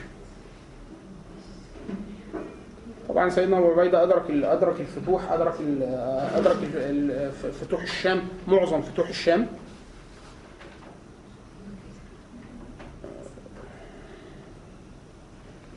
في في على فكرة مقارنه سيدنا أبو عبيدة بن الجراح وسيدنا عمر بن الخطاب. إحنا دايما بنقول سيدنا عمر بن الخطاب حالته حالته ال- الاكل والشرب والزهد حاجة إيه؟ رقيقة جدا. هو لما دخل على أبو عبيدة بن الجراح في الشام راح له يزوره فدخل البيت يقول لك جال ببصر في البيت ما لقيش غير درع متعلق على الحيطة؟ درعه بس بس. ف سيدنا عمر بن الخطاب أشفق على الحالة دي فقال له يعني أنت ما ما فيش أساس. عمر سيدنا عمر بن الجراح قال يعني كان يأمر النبي صلى الله عليه وسلم أن يكون أحدنا في الدنيا؟ كغريب أو عابر سبيل يعني هو إيه هو كده كده حلو ده ابو ابو عبيده بن اللي هو عمر بن الخطاب حاسس إن هو إيه في في عايش في اعتضال طب يعني هو إحنا يعني في حياتنا دي طبعا عندنا يعني عايشين كده يعتبر يعني إيه في سفه يعني ولا إيه؟ يعني انت بتحاسب على الحاجات دي؟ آه ده سؤال بس يعني طيب روى علي بن أبي طالب عن النبي صلى الله عليه وسلم أن آه، يعني تكييف وثلاجه وفريزر و وأكل. ألم ألم أسقيك الماء البارد؟ بصي شوفي. بصي بصي حديث حديث علي بن أبي طالب أن فاطمة فاطمة يعني إيه رزقت بطعام أو كذا فأمرت فيعني سألت علي بن أبي طالب رضي الله عنه قالت له إيه اذهب إلى أبي. اللي هو مين؟ النبي صلى الله عليه وسلم. لعله جاع. روح شوفوا قول له لو عندنا أكل. يجي يتغدى معانا. خلاص؟ فأتى بالنبي صلى الله عليه وسلم فدخل النبي صلى الله عليه وسلم على فاطمة بنت محمد. ف فبدأ الغضب على وجهه وكان لا يغضب إلا لله. سند على عضو عضو الباب الحلق يعني. ونظر إلى شيء في البيت وخرج. فخرج خلفه علي بن أبي طالب. قال له إيه الحكاية؟ في- إيه؟ كانت عي... كانت فاطمة رضي الله عنها كعادة النساء. آه، الستات يعني آه، لو راجل قاعد في البيت يعني هيبان البيت قاعد فيه راجل. لو في ست اختلف. فجابت قماشة حطيتها على على الحيطة. علقتها. زي كده إيه؟ زي حاجة زينة أو ستارة أو كده. خلاص؟ هتشوفي ال- الرواية دي اللي هقولها لكم روايه عائشة رضي الله عنها. ف فقال له ماذا؟ فقال إيه؟ ما كان للنبي أن يدخل في بيت فيه مثل هذه الزخارف. خلاص؟ دي حديث حديث حديث فاطمه عبد الله بن عمر حد دخل عليه سيدنا عبد الله بن عمر كان رقيق مع النساء. يعني إيه؟ فدخل لقي عنده حاجة متعلقة في البيت كده. ست مراته برضه حطها فقال له ما هذا يا عبد الرحمن؟ قال له إيه؟ قال له غلبتنا عليه النساء. يعني يعني فقال لا والله لا أدخل لك بيتا ابدا. يعني أنت تعمل الحركات دي وهو مش حرام. وهو مش حرام. بس هي الفكرة في إيه؟ إن ده ده ده, تصور كامل الحياة. أنا ممكن أقول لك يعني الموضوع ده بتوصل له إزاي بس حديث عائشة رضي الله عنها إن النبي صلى الله عليه وسلم دخل ليها برضه حاطه بتاع هي- إحنا عارفة دي إيه؟ اللي هو لو واحد شافها دلوقتي يعتبرها خيشة. في الغالب هتطلع حاجة كده لأن يعني إيه؟ اللي هو حاجة إحنا ممكن ما نحطهاش على الأرض. بس هي طبعا كان شافها حاجة حلوة. فحطيتها على ال- فالنبي صلى الله عليه وسلم أول ما دخل فغضب فقالت له إيه؟ أتوب إلى الله عز وجل. يعني إيه؟ أنا عملت إيه؟ آه ما هي مش عارفة عملت إيه؟ النبي صلى الله عليه وسلم غضبان. فهو غاضب يعني في حاجة في انتهكت من حرم الله عز وجل. إيه بقى؟ فالنبي صلى الله عليه وسلم نزعها نزلها. فقال إيه؟ لم يأمرنا الله عز وجل بالمال الذي رزقنا أن نكسر احجار واللبن يعني ده بعد ده هندي هنغطيه ده. أنا رب العزة الرزق هو دي جزء من تصور المسلم للحياه إن المال اللي الله عز وجل جعلنا مستخلفين فيه ده مال هنسأل عنه ولا مش هنسأل عنه؟ هنسأل عنه بس ما هو يعني ربنا رزقنا بالمال ده عشان هي بقى. رزقنا وحط لنا قواعد. القواعد دي فين؟ في السنة. السن السنة دي فيها شوية حدود. الحدود دي فيها حلال وحرام وفي جزء ورع حلال وحرام في جزء ورع جزء كبير من اللي إحنا بنتكلم فيه ده إيه؟ ورع خلاص لأن إحنا ما نستحملش. إحنا أصلا مش معدين موضوع الحلال والحرام. يعني إيه خلاص. لكن هي الفكرة في إيه؟ الإنسان المفروض بيسعى لأنهي حاجة؟ يغطي يقرب من ده. يقرب. ليه؟ لأن الواحد لما بيبقاش متصور إن ده موجود أصلا بيبقى إيه؟ يقول لك إيه؟ الحلال البين وبينهما هي دي. إحنا فين؟ طول الوقت. لا إحنا في الحمى. يعني إحنا خلاص. من حام حول الحمى يوشك أن يقع فيه إحنا في الحمى من زمان. يعني هي فكرة إيه؟ إن ال ال ال الورع ده هو الحائط اللي بيحمي الإنسان من الوقوع في الحرام. خلاص؟ طيب الواحد يعمل إيه؟ لو الواحد بدأ في الورع يهلك. ليه مش هيستح مش يعني أنت لو حابب يتورع هو انت أصلا ما ظبطش الحلال والحرام الأول فأنت مش إيه؟ مش هتستقيم عندك. فعشان كده إيه؟ يبدأ منين؟ يبدأ معكوس. آه يبدأ الأول يوطن نفسه على الحلال وبعد كده ي- الأول يوطن نفسه مش على الحلال يوطن نفسه على البعد عن الح- عن الحرام الأول. بعد كده يوطن نفسه على الحلال. بعد كده يوطن نفسه على يوطن نفسه بعد كده على اللي هو إيه؟ لو يقدر بقى ال- ال- ال- الزيادة في موضوع الورع.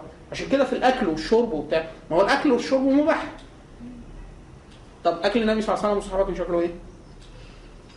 كان صعب خالص. طب ليه كان صعب خالص بالرغم إن هم عمر بن الخطاب على فكرة كان عربي يعني عر... يعني إيه يعرف الأكل كويس يعرف يذبح ويعرف. مرة قال لهم أنتوا فاكرين إن إحنا نجهل قطاي الطعام أحسن حتة في اللحمة كذا أحلى حتة في الخروف كذا أحسن حتة في الجمل. راجل طباخ شيف يعني. قال لهم بس إحنا إيه؟ إحنا بنتورع عن ده ليه؟ اللي هو إيه؟ أذهبتم. أذهبتم طيباتكم في الحياة الدنيا. اللي هي هو هو هو يخشى إن هو يحاسب على ده. خلاص؟ فهي دي المساحة. إحنا بقى بنت... بنتتبع سيرة القوم ليه؟ عشان نحاول نتأسى بيهم. لو أنا بحاول أتأسى بواحد عرفته الأول عرفته وحاولت أتأسى بيه ورحت عامل 55% لو أنا عملت 55% من من صحابي ولا بتاع حاجة لو أنا ما أعرفش عنه ولا حاجة ما أعرفش حتى الحدود ولا الحلال ولا الحرام ولا الورع وبتاع فأنا هكون أكيد في يعني إيه؟ بعيد خالص عشان كده الواحد سيرة الناس سيرة الناس بتجرئ الإنسان على المألوف. أول ما بيشوف ناس كده أمال إحنا بنعمل إيه؟ فبيرجع ورا شوية. عشان كده سير أنا دايما أقول كان الإمام أبو حنيفة المقولة دي من أنا من يعني باب علم كامل اتفتح للواحد بسبب مقولة الإمام أبو حنيفة. كان يقول إيه؟ حكايات القوم أحب إلينا من كثير من الفقه فإنها أخلاق القوم وعلمهم. حكايات القوم. الأكل الشرب سلوكهم اليومي. خلاص؟ اللي هو إيه؟ دي هي دي. أحب إلينا من كثير من الفقه. الفقه اللي هو إيه؟ اللي هو المسائل. خلاص؟ لكن عشان كده أحيانا إيه؟ ودي أنا حاجة أظنها أنا أنا, شخصيا بلمسها. لما أمسك سيرة الصحابة أقراها ابرك بكتير جدا من قرايه أي كتاب. كتاب أصول ولا نحو ولا صرف ولا فقه وبتاع. ليه؟ تحس ده راحة فين؟ على القلب على طول. على القلب. يعني الواحد قلب الإنسان بينفعل اللي هو إيه؟ إيه ده؟ ده بني آدم زيه وزيه اللي كان بيعمل ده؟ خلاص فالواحد بينفعل لده. لما بيعرف الفقه اللي هو إيه؟ ده حلال ده حرام ده واجب ده مستحب ده مندوب. بيحسوش آه لما بيشوفه متمثل في شخص بني آدم ليه؟ آه ده بني آدم. أهو عمر اللي كان ماسك التمرة قال له يعني إيه؟ يعني إحنا إحنا هنتحاسب على على التمر ده؟ آه قال له هتتحاسب. يعني في حد عمل هي دي. إن ده نموذج بشري يمكن محاكاته. نموذج بشري يمكن محاكا- محاكاته. هي دي. عشان كده الصحابة الصحابة الصحابة. هم الصحابة والتابعين وتابعين التابعين ده نموذج بشري. نموذج بشري. بني آدمين. بس إيه بني آدمين إيه؟ الواقعة بتاعت لما سيدنا النبي كان مع ابن عمر. وأبو بكر وراحوا عند ابن الهيثم يعني برضه ده بيفتح باب ان في ناس عايشة عيشة مرتاحة عنده بستان وجاب وذبح. تمام. يعني تمام. ما هو شوف سامعين السؤال ده؟ هو أخونا اسمه؟ عمرو عمرو صالح. عمرو صالح. بيقول بيقول إيه؟ بيقول مع سيدنا أبو هيثم أبو هيثم التهيان واضح إن هو كان ميسور وثري. فواضح إن إحنا عندنا إيه؟ النموذج طب ما إحنا قلنا عبد الرحمن الغوف كان ثري. سيدنا عثمان كان ثري. بس كان لا يعرف نص عبيدي يعني هي فكرة إن المال معاه معاه في إيده. بس فين؟ مش في قلبه. ده واحد. اثنين المال بيضعه فين؟ هي دي الفكرة. هي دي الفكرة. سيدنا طلحة لما المرة اللي فاتت لما إحنا قلنا باع حاجة ب 600000 وقالوا له غبنت قال إيه؟ لا والله يعني إيه؟ لن اغبن فهي في سبيل الله. واحد تجود نفسه تجود نفسه من الناس بيسيب 600000 درهم كده ده واحد إيه؟ هي دي الفكرة. ان النموذج اللي سابه الصحابة. سؤالك كويس جدا في ناحية إيه؟ إن هو ال- المطلوب إن إيه؟ هو مطلوب الفقر ولا مطلوب الزهد والورع هو دي الفكرة. يعني النبي صلى الله عليه وسلم كان تقلله في المأكل والمشرب والملبس وبتاع. ده كان عن عن فقر يعني عدم لا يجب ولا كان واجب؟ النبي كان عنده. كان عنده على الأقل لما يعني النبي صلى الله عليه وسلم كان تحته فدك. بعد فتح خيبر. كان معاه مال بيجيله كان بي- بيحفظ قوت لنسائه عام عشان لا يضيع نسائه خلاص لكن الفكرة في إيه؟ الفكرة في إيه؟ إن الفلوس دي بيتعمل بيها إيه؟ بيتعمل بيها إيه؟ عشان كده إحنا دايما بنقول إيه؟ إن يمشي المش سألوا مرة الإمام أحمد قالوا له يكون الرجل معه ألف دينار ويكون زاهد قال نعم إذا- لم يسره زيادتها ولم يحزنه نقصه وده المعنى اللي إيه دايما بيحرك عشان كده في في في في في, إرسال رب العزة للرسل في أنبياء ملوك. في سيدنا سليمان سيدنا داوود ملك. النبي صلى الله عليه وسلم اختار اختيارا أن يكون عبد نبي. أنتوا عارفين والحديث الصحيح أن كان النبي صلى الله عليه وسلم يجالس جبريل عليه السلام ثم نظر جبريل إلى السماء فقال نزل ملك لم ينزل الأرض منذ خلق منذ خلق. يعني ده أول مرة ينزل. فجاء النبي صلى الله عليه وسلم فسلم عليه وقال إن الله عز وجل يخيرك بين أن تكون نبي ملك أو ملك النبي أو عبد النبي أو نبي عبد تختار إيه؟ فسيدنا النبي صلى الله عليه وسلم فنظر إلى نظر إلى الإيه؟ الفرق بينهم؟ ي- يكون زي داوود وسليمان ده ده ملك نبي سيدنا سليمان النبي صلى الله عليه وسلم كان يروح للناس ويدفعوه وبتاع ومش عارف ويخش المكة في في مكة في جوار المطعم بن عدي وبتاع المطعم بن آه، سيدنا سليمان قال إنه من سليمان إنه بسم الله الرحمن الرحيم قال لا تعلوا علي وأتوني مسلمين. لنرسلن إليهم جيوش لا قبل ده, ده مش ده مش نبي آه، آه، ما تأمنوا. طب يدعوهم أبعت لهم جن وعفاريت وجيوش خلاص؟ فده وضع تاني. هو عنده قصور وعنده ده حاجة تاني. ده ملك نبي. يعني هو ملك بس نبي. خلاص؟ فالملك بي الملك بيقول له تختار أنت مخير دلوقتي. ما بين ملك نبي وعبد نبي. تختار مين فيهم؟ فالنبي صلى الله عليه وسلم نظر إلى جبريل فسيدنا جبريل قال له إيه؟ ضع نفسك لربك. يعني تواضع. فالنبي صلى الله عليه وسلم قال له إيه؟ بل عبد النبي. اختار دي. فده اختيار. ده اختيار. واختياره للامه يعني هدي هدي النبي صلى الله عليه وسلم اللي هو إيه؟ عبد نبي. فكان النبي صلى الله عليه وسلم إذا أتت عائشة رضي الله عنها بطعام للنبي صلى الله عليه وسلم والنبي صلى الله عليه وسلم متكئ.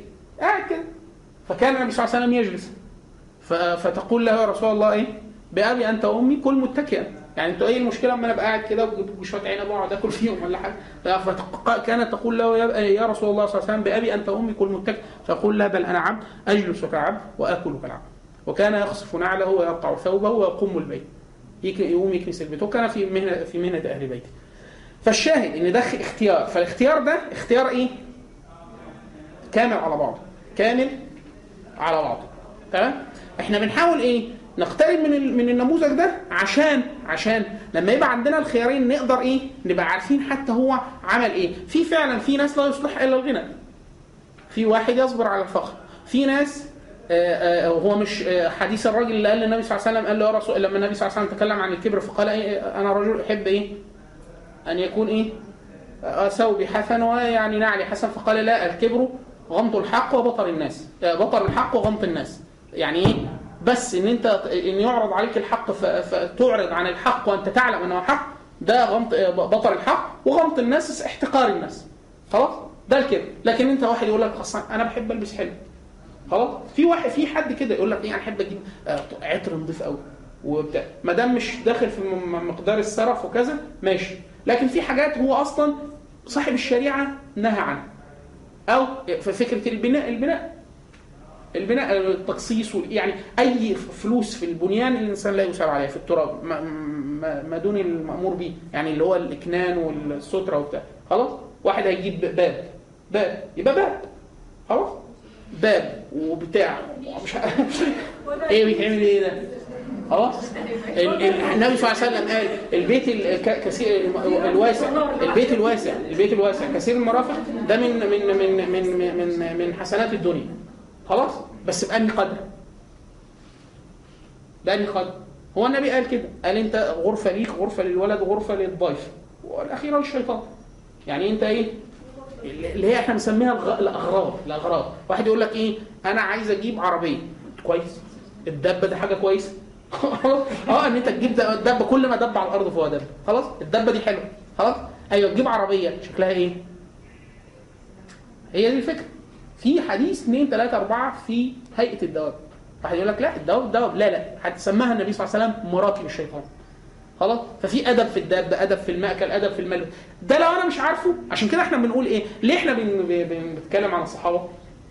ده باب باب. تقعد إيه؟ تتتبع أحوالهم. أول ما تتبع أحوالهم تعرف إن في حاجة غلط. في حاجة غلط كبيرة قوي في في حاجة غلط كبيرة. وأنا في في كتاب يعني أنتوا إن شاء الله كده في رمضان وأنتوا بتنقنقوا كده تلاقوا في, في هو نزل بي دي إف موجود ده اللي هي الموسوعة بتاعت صلاح الأمة في علو الهمة.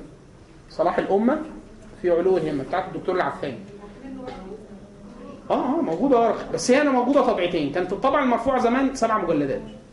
الطبعة الجديدة كانت كويسة الجديدة 14 مجلد. ميزتها إيه؟ ميزتها إيه؟ إن هي كبيرة. كبيرة كبيرة. فيعني إيه كبيرة؟ كل فصل بيتكلم عن خصلة. فأنت ممكن تقرأ في خصلة خصلة. يعني علو الهمة. إحنا عندنا سفول همة. يعني إيه سفول همة؟ الموضوع صعب. خلاص. في المأكل والمشرب والعمل والدعوة والدين والكلام لما الواحد بيشوف نموذج بشري حي الواحد إيه؟ بتعلو همته لده. خلاص؟ علو همة. علو همة الصبيان علو همة الأمراء علو همة الشعراء علو همة النساء علو همة ال- القضاء علو علو الهمة في الإيمان علو الهمة في الدعوة إلى الله علو الهمة في الخوف في الرجاء في التقوى. كل شعب الإيمان بهذه الطريقة. في كم مهول جدا من الآثار الصحيحة من المرويات عن الصحابة والتابعين وتابعين التابعين وده أهم حاجة في الموضوع دكتور سيد سيد حسين العفاني. طب هو الواحد يعني بتعلى شوية بيقرأ وبعد شوية بتنزل فيحس ان مفيش فايدة يعني. لا هو حديث النبي صلى الله عليه وسلم إيه ما, ما, ما, ما, ما من عبد إلا يعني وله فترة بعد شرة. يعني أنت الواحد دايما بيبقى إيه يا إما في صعود أو هبوط فما كانت شرته إيه، فترته إلى سنتي فقد هدي. ومن كانت فترته إلى غير سنتي يعني قد هلك. إحنا إحنا بنحاول نعرف إيه إيه الحدود بتاعتنا عشان لما نعلى نبقى عاليين فين؟ في السنة. ولما ننزل فين؟ في السنة برضه. خلاص يعني الواحد إيه عايز يقوم الليل. كتير جدا. طب اقله وتر. صلي ركعة. واحدة خلاص؟ يبقى عارف إيه؟ أقل. خلاص. إيه اللي يقرا ب 10 10 آيات بس في الليل لا يكتب من الغافلين. أدنى. 10 آيات. خلاص. لو صلى ب 1000 آية ألف آية ده يعني صلى بعمة وتبارك. عمة وتبارك. في الليل. وعمة وتبارك صغيرين على فكرة. مش كده قال لك ي- يكتب منين المقنطرين؟ المقنطرين اللي هو إيه؟ قدر أحد وجبال من حسنات. خلاص. ف ال ال ال ال أنا عارف الماء الأقصى وعارف إيه, إيه الأدنى. وهكذا. فلو لكن لو مش عارف خالص أبقى قاعد كده. يعني مش عارف أصلا إيه اللي بيحصل. أنا حلو لا وحش لا مش عارف أي حاجة عن ال اتفضلي. الموضوع نسبي يعني. يعني هم هو زمان كانت أقصى رفاهيات عندهم لا. هم فتحوا فارس وروم. فتحوا فارس وروم يعني كانوا يعلمون كل شيء في الحياة. يعني سيدنا عمر الخطاب عن عن اختيار. عن اختيار المسلمين لما فتحوا تستر في خلافة عمر بن الخطاب. تستر دي كانت البلد كلها ليها شبكة آه، مية أنابيب رصاص. يعني المية ليها شبكة هي ال- ال- الفكرة مش جهلهم بالنعيم. لا هم كانوا مأمورين بأمر بأمر. فهمهم العام إن الحياة إيه؟ يجب أن يتقلل منها. الإنسان يتخفف من ده. قال له كن في الدنيا كغريب أو عابر سبيل. هو الصحابة فهمهم عن النبي صلى الله عليه وسلم هو اللي خلاهم خلاهم نموذج مختلف. إحنا بقى عايزين نعرف إيه؟ النموذج المختلف. هم إيه؟ يعني وصلوا ل... وصلوا. لده إزاي؟ آه، أظن سيدنا أبو عبيدة بن الجراح مات في في طاعون عم... طاعون عمواس في الشام. قد مات فيه سيدنا معاذ بن جبل وغيره من الصحابة. طيب إحنا عايزين ندرك مين؟ طيب آه،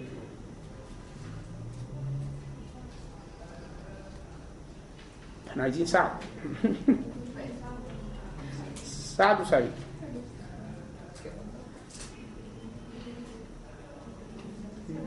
هو ممكن ده يكون السبب اللي يخلينا بنشبع عند المصائب إن إحنا متمسكين بالدنيا أو إن إحنا لسه الدنيا ما هو هي هي هي الفكرة في التمسك بالدنيا ده مش مش مجرد آه، مش يعني إيه؟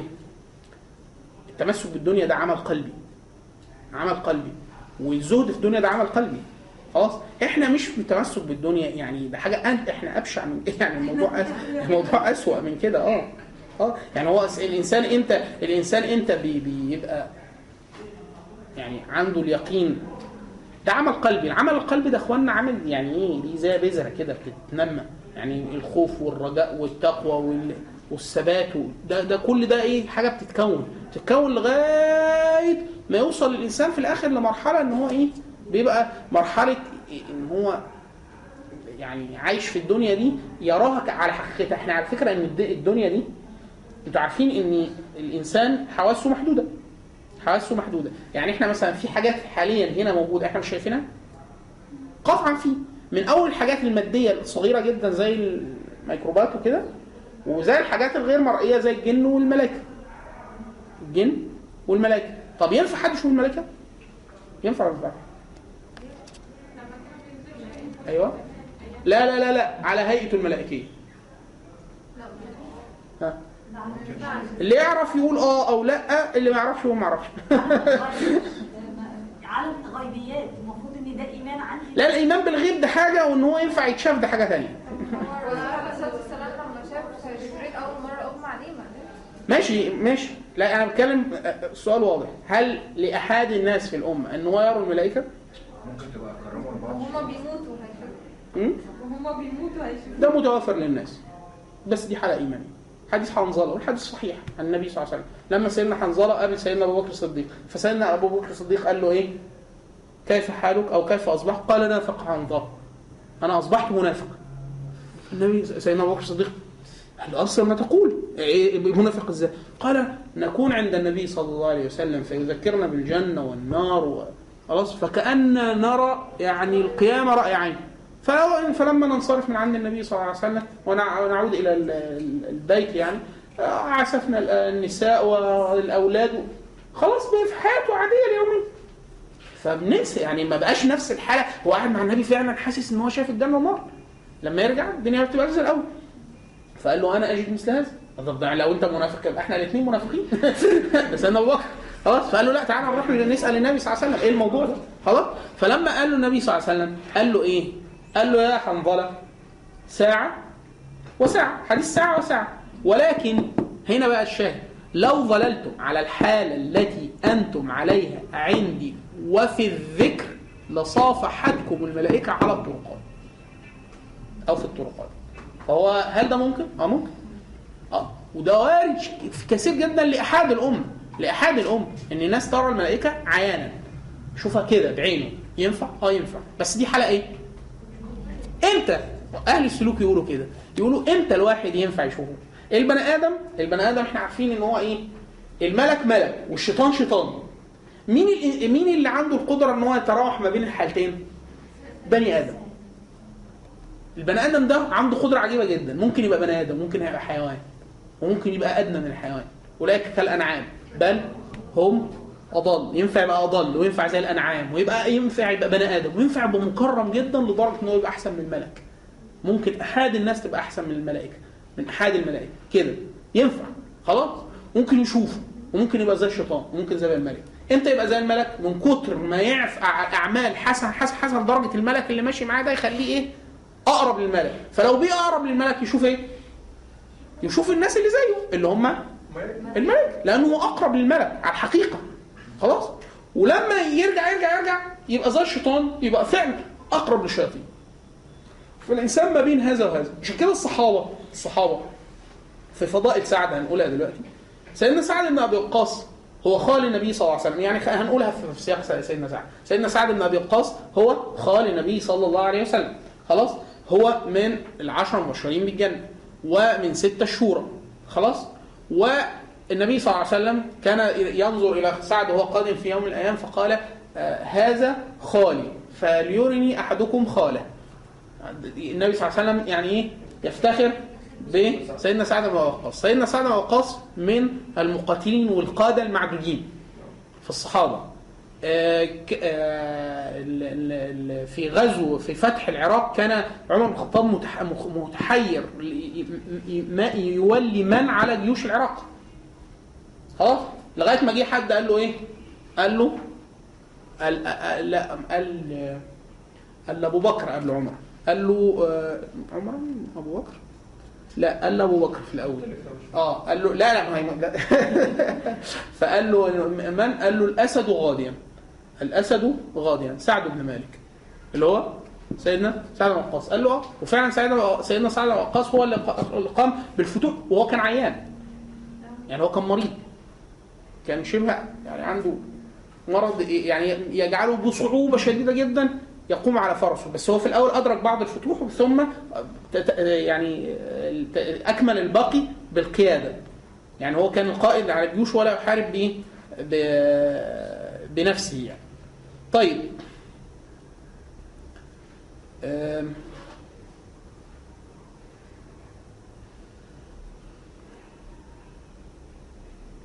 أنا عايز أقف عند إيه؟ ماشي.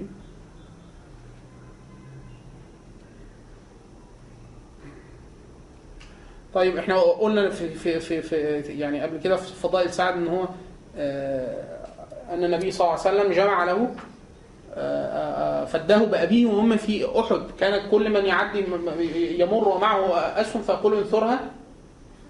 لسعد ارمي سعد فداك يا بيوم في في أحد فهو قد من زبع بأسهمه عن النبي صلى الله عليه وسلم في آه، في أحد.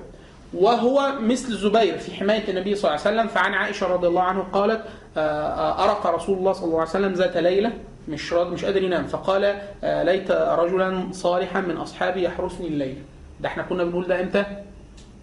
قبل والله يعصمك من الناس. بعدها قال لهم خلاص لما يعني كله قاعد يروح فهو محمي أو مع- معصوم. الأول لا قال فسمعنا صوت السلاح. النبي صلى الله عليه وسلم بيقول يعني يا ريت حد يحرسني النهارده عشان أعرف أنام. فسمعنا صوت السلاح. فقال رسول الله صلى الله عليه وسلم من هذا؟ قال سعد بن أبي وقاص. آه، آه، أنا يا رسول الله جئت أحرسك. خلاص؟ فنام رسول الله صلى الله عليه وسلم حتى سمعت غطيطه. يعني صوت الرجل النايم. عائشة خلاص نام كده إيه؟ مطمئن. آه، تعلمون أن سيدنا سعد بن وقاص من مجاب الدعوة. هو راح مرة النبي صلى الله عليه وسلم قال له يا رسول الله يعني إيه ادعو لي أن أكون إيه؟ مستجاب الدعوة. فقال له إيه؟ أطب مطعمك تكن مستجاب الدعوة. هي دي الفكرة. أطب مطعمك تكن مستجاب الدعوة. أطب مطعمك دي إيه؟ نفس السؤال اللي إحنا كنا بنقوله. ينفع حد يشوف الملائكة؟ واحد عايز يبقى دعاء مستجاب ينفع؟ هو أصلا الدعاء مستجاب. أصلا الدعاء مستجاب. إمتى؟ لما يخرج من- يعني هو القلب المخاطب لله عز وجل مشار حاشاه رب العزة إن هو يعني وهو الكريم. حد يخاطبه إيه ويرد آه يا إن الله عز وجل حي كريم. يعني الله عز وجل يستحي من عبده إذا مد إليه يداه أن يردها صفر يعني فارغ فالله عز وجل أكرم من هذا لكن الله عز وجل قد يمنع عبده لأنه في ضرر ليه هو واحد يقول لك طب بس أنا عايز دلوقتي خلاص هو عشان جاهل البني آدم يدعو إيه بأي شيء الله عز وجل عشان رحيم ي- يحبس عنه هذا في, الآخر حتى أن الناس في. في. في. في الآخر لما يعرض على الله عز وجل فالله عز وجل يقول له دعوت يوم كذا بكذا واستجيب لك يقول نعم يا رب يقول دعوت يوم كذا بكذا ولم يستجب نعم يا رب. أيوه. كانت في أنا دعيت كتير قوي ما جاتش دي فالله عز وجل يقول انظر فيطلع على ملك وبتاع يقول كل هذا يعني إيه؟ في مقابل الدعاء اللي مستجاب ده منع عنه في الدنيا وأعطي في الآخر في... فيتمنى عشان هو كان جاهل فيتمنى أنه لم يستجاب له قط في الدنيا. يقول لك لا ما دام الموضوع كده طب ما كنا نخليهم كلهم في الآخرة. لأنه الإنسان بيدرك إيه في الحقيقة؟ اللي هي برضه ادراكه لحقائق الأمور إن لما بتقوم الساعة إيه اللي بيحصل؟ بيدرك إيه؟ بيدرك هو أصلا الحقيقة اللي أتى بها النبي صلى الله عليه وسلم والرسل. إن هو كان الرسل جت تقول له إيه؟ إن أنت اللي فيه ده مش ده الحقيقة اللي أنت كله فيه أصلا دي أصلا. فهو لما ساعتها بيدرك إن هي فقط في اللحظة دي. في اللحظة دي هي دي إيه؟ هي دي اللحظة. عشان كده حديث النبي صلى الله عليه وسلم وده من أرجع حديث الإسلام. لما إيه يؤتى يؤتى بأشقى أهل ال- الجنة من أهل الد- الدنيا. يعني واحد في الدنيا كان معذب ويعني مبتلى وكذا ولكن هو من أهل الجنة. فيغمز غمسة في الجنة. فيقول الله عز وجل له هل رأيت شقاء قط فقل لا والله يا رب. ويؤتى بأنعم أهل ال- الدنيا أو أهل الأرض من من أهل النار. والعياذ بالله. يعني هو رجل كان منعم جدا في الدنيا ولكن هو من أهل النار. فيغمز غمسة في النار. يقول هل رأيت نعيما قط؟ فقل لا والله. خلاص؟ فهذه الفكرة إن هو إيه؟ كل اللي أنت كنت فيه أصلا إيه؟ خداع. أما من رأى الأمر على الحقيقة خلاص الموضوع إيه؟ عشان كده. اللي هو مستجاب الدعوة ده. يعني إيه مستجاب الدعوة؟ يعني إيه يعني إيه مستجاب الدعوة؟ إخواننا عارفين حديث النبي صلى الله عليه وسلم رب أشعث أغبر مدفوع على الأبواب إذا أقسم على الله لا بره يعني إيه أقسم على الله؟ أنتوا الكلمة دي أحيانا الناس بتقولها ما تعرفش معناها. يعني إيه أقسم على الله لا بره يقسم على الله مش مش يدعوه. الدعاء ده مقام تذلل. القسم على الله ده مقام خلة. خليله. يعني إيه؟ عارفين لما واحد يكون صاحب واحد قوي؟ يقول له والله لن تدافع كذا. والله لن تعمل لي كذا. ويفعل. خلاص؟ رب أشعث اكبر خلاص؟ منهم البراء. البراء بن مالك. البراء بن مالك قتل في فتح تستر كان البراء البراء بن مالك. براء سيدنا البراء بن مالك اخو انس بن مالك دعا قال اللهم يجعل البراء اول شهيد وانصر المسلمين وكذا. وقد أجيب له سيدنا سفيان. سفيان الثوري ده من من من التابعين. سفيان الثوري يا إخوانا من التابعين. من التابعين مش من الصحابة. كان عرض عليه أبو جعفر المنصور الأمر بالمعروف والنهي عن المنكر والقضاء ورفض. خلاص؟ وبعد كده تتبعوا تتبعوا وامر بقتله. خلاص؟ فسيدنا سفيان الثوري كان هربان. خلاص وقاعد في مكة. فالراوي بيقول إيه؟ الراوي هو كان في خلافه أبو جعفر المنصور.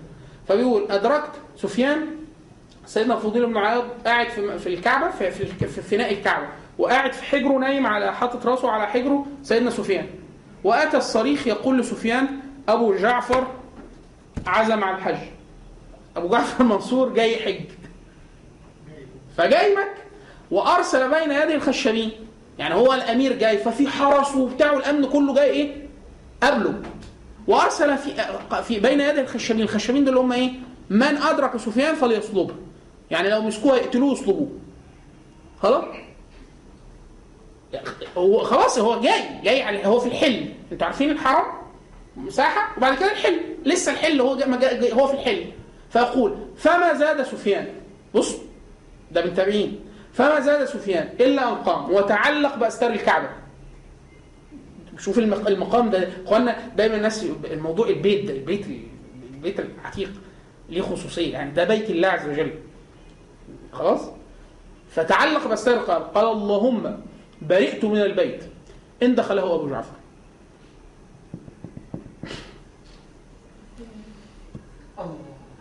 برئت من البيت. إن دخله أبو جعفر. ونزل وعاد. قعد تاني قال فما لبث الصريخ؟ إلى جاء مات أبو جعفر في الحلم ولم يدخل الحرم. قال لك قال له ما ما ما, ما, ما يخشوش. قال اللهم برئت من البيت. إن دخله أبو جعفر. فمات في الحلم ولم يدخل الكعبة. الإمام أحمد لما عذب في في فتنة خلق القرآن ويعني وطغى في في حقه الم- المأمون المأمون أو المأمون. ف فأتى الر- أتى أحد ندماء المأمون والإمام أحمد في السلاسل مغلول. وكانوا يقدم يعني هيعرضوا عليه. يقول له إنه سل سيفا لم يسله إلا الساعة وأقسم بقرابته من النبي صلى الله عليه وسلم إن لم تجبه لما أراد قتلك. فالإمام أحمد أول ما ذكر قرابته للنبي صلى الله عليه وسلم وهو في أمر منكر فجس على ركبتيه وقال اللهم غر حلمك هذا الفاجر. يقصد المأمون. فجاء الصريخ أم مات المأمون. الموضوع خلص. يعني إيه؟ هو دي الفكرة في إيه؟ إن هو إيه؟ إن هو ده وليه. وليه. لكن الولي واحد يقول لك إيه؟ طب ما يدعي عليه من الأول ويخلص. هي دي الفكرة. هي دي الفكرة. إن هو إيه؟ النبي صلى الله عليه وسلم. لما يدعو لم- لما لم يدعو النبي صلى الله عليه وسلم على قومه بالهلاك بالهلاك وقد ممكن من هذا. يعني ملك الاخشبين قال له إيه؟ هطبق لك الجبلين على بعض ولا واحد هيطلع منهم. النبي صلى الله عليه وسلم قال له إيه؟ هي دي الفكرة إن هو إيه الولي ده؟ ده ولي وأنت واحد يقول لك لو مصباح علاء الدين. لا هو مش مصباح عشان كده سيدنا سعد بن وقاص كان مستجاب الدعوة. واحد يقول لك إيه؟ طب ما يعني إيه؟ يعني يشوف نفسه يعني. ما هو مش ممكن يوصل لهذه المنزلة وهو بالطريقة بالتفكير, ده. هو هو أعرف بالله عز وجل واجال عشان كده سيدنا سعد بن وقاص ودعا على حد مات قبل كده. لما كان مر في في بيمر في أسواق المسلمين وتعرض أحد للزبير وطلحه هو سيدنا سعد بن وقاص ممن اعتزلوا الفتن. لم يقاتل في صفين. ولم يقاتل أصلا في في الفتن. خلاص؟ فوجد رجل يسب الزبير وطلحه. ف يعني غضب سيدنا سعد للزبير وطلحه فقال الله فاعتزل فتوضأ واعتزل ودعا على الرجل. قال اللهم سبوا اوليائك لأنه سيدنا الزبير وطلحه خلاص؟ فقال سيدنا سعد خلص. جاله حصان ساب السوق كله عدى على الراجل موته. خلاص؟ آه يعني سبوا اوليائك يعني هو هو عايز يقول له يعني. آه ليه؟ لأنه هي الفكرة في إيه؟ هو هو على فكرة ده غضب ليه؟ هو مش عشان الزبير وطلحه اصحابه ده عشان مين؟ أولياء يعني هو وليه هو ولي الله عز وجل فيعني إيه؟ وقد يعني إيه؟ حديث النص حديث الحديث القدسي فمن آذى لي وليا اذنته بالحرب يعني هي الفكرة في إيه؟ إن ده أولياء أولياء الله عز وجل يعني إيه؟ هو تقريبا ده على الناس اللي وشوا بيها عند عمر صح؟ إيه؟ ده على الناس اللي وشوا بيها عند دعا دعا عليه بعينه. هو أنتوا عارفين سيدنا سعد بن وقاص ده كنا جايين إن هو إيه؟ في رواية ع- جاب- جابر بن سمرة رضي الله عنه قال شكى أهل الكوفة سعدا إلى عمر رضي الله عنه. سيدنا سعد بن وقاص ولى عمر بن الخطاب على الكوفة. خلاص؟ فشكوا أهل الكوفة قالوا له مشيه مش حلو. فسيدنا عمر فعزله واستعمل عليهم عمارا فشكوا فشكوا حتى ذكروا أنه لا يحسن يصلي فأرسل إليه. قالوا قالوا على سيدنا سعد إن هو ما بيعرفش يصلي. خلاص؟ وهو سابع سبعه في الإسلام. هو سبع الإسلام في وقت من الأوقات. فقال يا أبا إسحاق إن هؤلاء يزعمون أنك لا تحسن تصلي. قال أبو إسحاق أما أنا والله فإني كنت أصلي بهم صلاة رسول الله صلاة رسول الله صلى الله عليه وسلم ما أخرم عنها. أصلي العشاء فأركض من الأول في الأول في الأولين واخف وأخف في في الآخرين. وصف حديث صلاة النبي صلى الله عليه وسلم إن هو كان يطيل في أول ركعات ويخفف في الآخر. قال ذاك الظن بك أبا إسحاق. فأرسل معه رجلا أو رجالا إلى الكوفة. يعني سيدنا عمر الخطاب قال له سيدنا عبد سعد بن وقاص كده. وهو ثقة عنده وثقه بس خده معاه ووداه معاه ناس وقال لهم إيه اسأل أهل الكوفة شوف كده اتأكد من كلامه. خلاص؟ أو رجالا إلى الكوفة فسأل عنه أهل الكوفة ولم يد ولم يدع مسجدا إلا سأل عنه ويثنون معروفا يعني يقولوا لا كان رجل كويس حتى دخل مسجدا لبني عبس. فقام رجل منهم يقال له أسامة بن قتادة. ده ده هو اللي أهلك نفسه. يكنى أبا آه، آه، أبا سعدة. قال آه، أما إذا نشدتنا يعني نشدتنا الله في في سعد يعني نقول في الحق فإن سعدا كان بصوا بقى قال إيه؟ لا يسير بالسرية. ولا يقسم بالسوية ولا يعدل في القضية. ده قال في حق سعد. قال سعد أما والله لأدعون بثلاث. أنت اللي جيت لي. تعالى اللهم إن كان عبدك. وبص الدعاء. يعني إيه؟ دعاء يعني إيه؟ برضو الدعاء يعني إن كان. قال اللهم إن كان عبدك هذا كاذبا قام رياء وسمعة فأطل عمره وأطل فقره وعرضه للفتن. خلاص؟ وكان بعد إذ سئل الرجل لأنه رؤي يعني هو إيه؟ طال عمره. قال له إيه؟ فأطل عمره وأطل فقره وعرضه الفتن فكان الناس أدركته. وهو طويل جدا في العمر وشيخ وذهب بصر وفقير جدا ويتعرض للنساء في الشوارع. في فوق فوق شيخ ومفتون فكان الناس إذا لاموه وكان بعد بعد إذ- إذا سئل يقول شيخ كبير مفتون أصابتني دعوة أصابتني دعوة سعد. هو قال له اللهم إن كان كاذبا قام رياء وسمعة فافعل به كذا وكذا وكذا. قال عبد الملك فأنا رأيته بعد بعد قد سقط حاجباه عن عينيه من الكبر وإنه لا يتعرض للجواري في الطرق يغمزهن بعكس الستات في الشارع هو كان راجل كبير جدا في السن لكن أصابته دعوة سعد آه،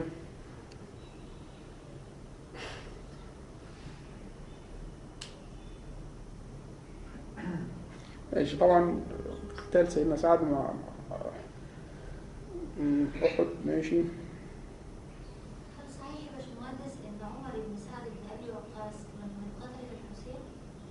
أظن نعم. لكن لم يكن أمير القوم يعني هو طبعا لعن الله من شارك في قتل حسين رضي الله عنه لكن هو كان أمير القوم عبد الله بن زياد وقتل قتل المختار. المختار ال- ال- المختار الثقفي طبعا هي الفكرة في إيه؟ إن آه، نبي الله عز وجل نوح وليه؟ ان سيدنا نوح نبي ومش أي نبي. ده من أولي العزم الرسل. ابنه؟ الموضوع ملوش إيه؟ ملوش. آه، مرات سيدنا لوط.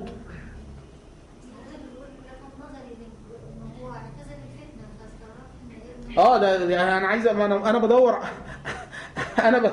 أنا بدور على نص ال- الفتنة لأن هذا النص هذا النص دستور يكتب بماء الذهب للمسلمين في الفتن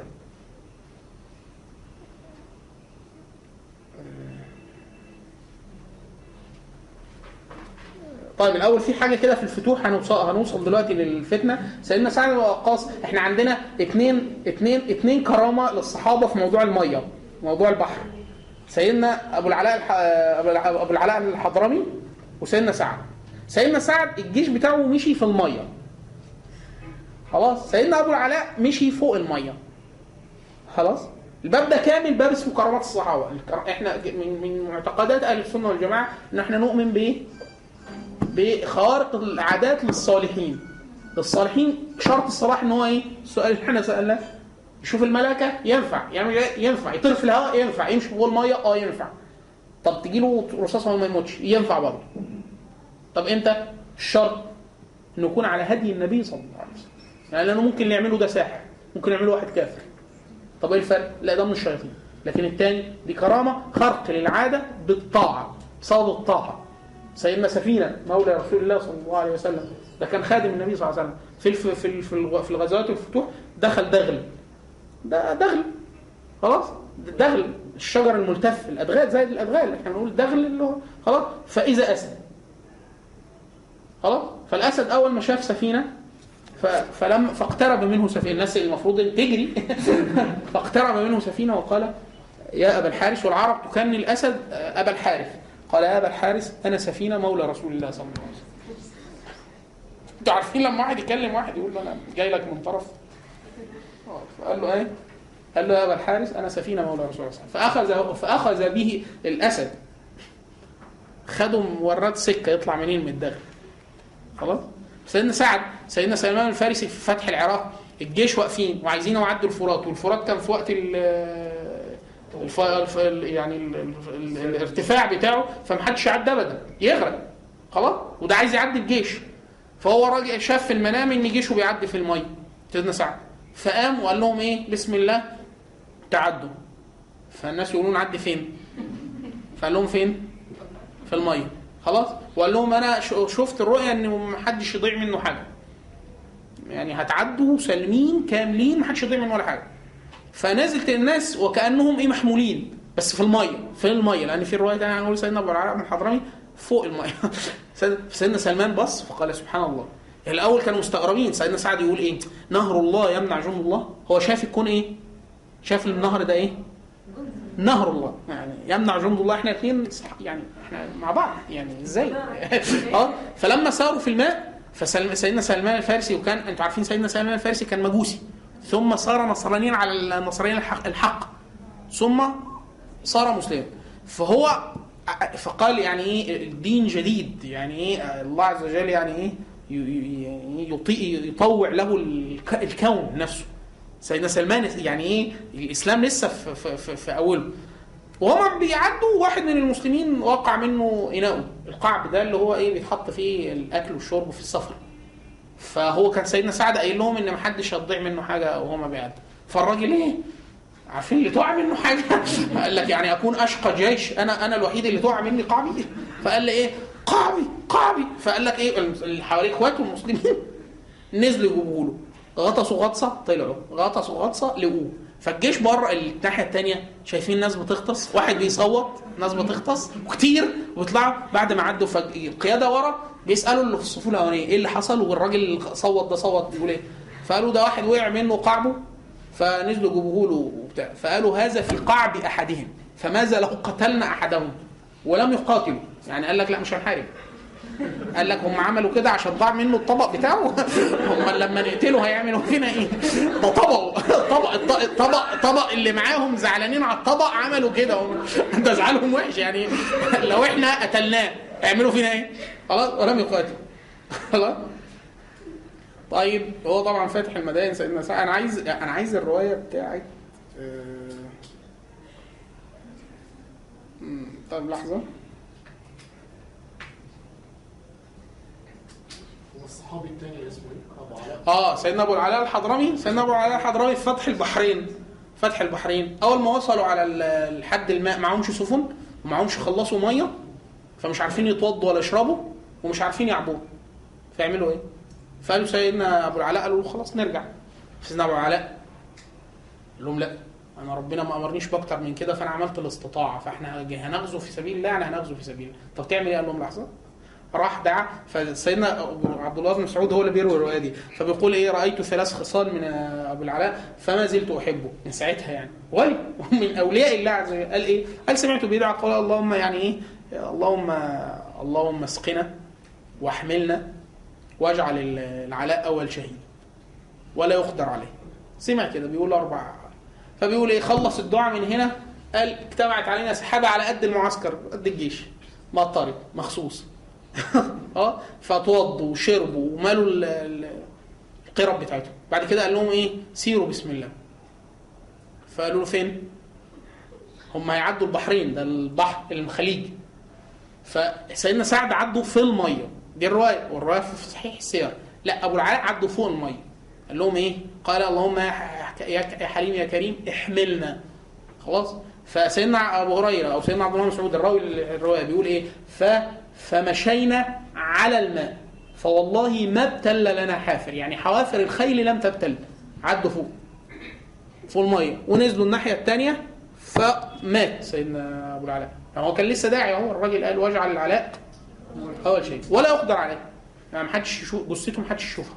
ما عادش ليه فاخدوه وحفروا وحطوه وقفل جالهم واحد من أهل المحل من أهل البلد. قال لهم أنتوا عملتوا إيه؟ قالوا واحد صاحبنا مات فدفناه قال لهم لا المنطقة دي جنب الساحل فالمية بتكشف إيه؟ القبور. لو دفنتوه المية هتيجي تعريه. فصاحبكم يتبهدل كده خدوه وادفنوه جوه في النشفان في الأرض الناشفة. فقال فكشفنا عنه سيدنا عبد الله مسعود بيقول أنا اللي أنا نزلت القبر بإيدي. فكشفنا عنه فنزل نزل في القبر. فإذا مد البصر نور أو ضوء ولم نجد الجثمان. مفيش جثمان. فقال فإيه؟ يعني إيه؟ قفلنا القبر تاني فالراجل قال مش هتطلعوه قالوا لا مش هنطلعه خلاص هو ده هو, هو كده آه هو وصل. القصص دي ممكن للاطفال من سن كام؟ أي سن؟ لأنه في جزء في التربية إحنا بنسميه الذكاء ال- في في أنت عارف إن في بحث كان جيد جدا هو بحث مش مش مش مش, عربي. بحث كانوا عاملينه الأمريكان اسمه ترجمة ال ترجمة ال هما كتابين موسوعتين ضخمين ضخام جدا. واحدة اسمها how how people learn حاجة عن التربية والتعليم وحاجة تانية عن تصور الأطفال للديانة وللإله. إحنا بنتصور إن الأطفال ما عندهاش تصور عن اليوم الآخر عن الجنة عن الغيب أو كده. بي- لا هو بيكونها بس بصورة لا تتماسك مع يعني الأطفال. أنا مثلا ندى ندى سنها ثلاث سنين وثمان شهور. ثلاث سنين وثمان شهور. بتجي لي زعلانه تقول لي الورده ماتت. يعني عندها تصور عن الموت.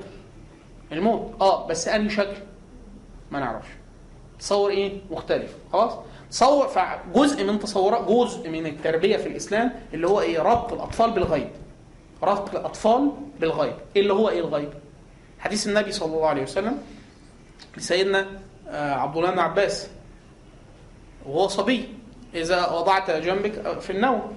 قل آه، اللهم آه، آه، لا حديث اللهم اللهم أسلمت وجهي إليك ووجهت وجهي إليك وألجأت ظهري إليك رغبة ورهبه إليك لا ملجأ ولا منجا منك إلا إليك. آمنت بكتابك الذي أنزلت ونبيك الذي أرسلت. سيدنا عبد الله كان صغيرا فقال فقلت ورسولك الذي قال لا ونبيك الذي أرسلت. عشان كده إحنا دايما بنقول أذكار توقيفية. يعني لا يجوز تغيير نص ال- الذكر. هو هو يعني قال له ونبي ورسول قال له لا ونبي ليه؟ هو ده. خلاص؟ فده ده صبي. حديث الطفل لما قال له إيه؟ قال له أوه. قال له قال له آه، يا آه يا غلام سم الله. سم الله. وكل بيمينك وكل مما يليك إحنا بنسميها إيه دي؟ إحنا بنسميها الذكاء. الذكاء الو- ال- الو- الوجداني أو الروحي يعني أو أو اللي هو إيه؟ خلق مساحة الغيب. إن أنت بتقول له إن في حاجة إحنا مش شايفينها. إيه اللي مش شايفه؟ الملك الجن الشياطين والله عز وجل. هي دي الفكرة. والله عز وجل إن هو مش شيء يعني إيه؟ ده جزء بي ده جزء بيتم تكوينه عند ال- الطفل بالتربية. خلاص؟ فكل خرق العادات خرق العادات ده شيء جزء من اللي هو إيه؟ من اللي لازم يعلم ليه الطفل إن إحنا في في قوانين متبعة مضطردة وفي قوانين ممكن كسرها. إيه الكسر ده؟ إن هو يحصل 1 2 3 4 خلاص؟ عشان كده إحنا عندنا نص غريب جدا عن الصحابة. يقول لك كان أصحاب النبي صلى الله عليه وسلم يعلمون أطفالهم المغازي المغازي كالسوره من القرآن. المغازي.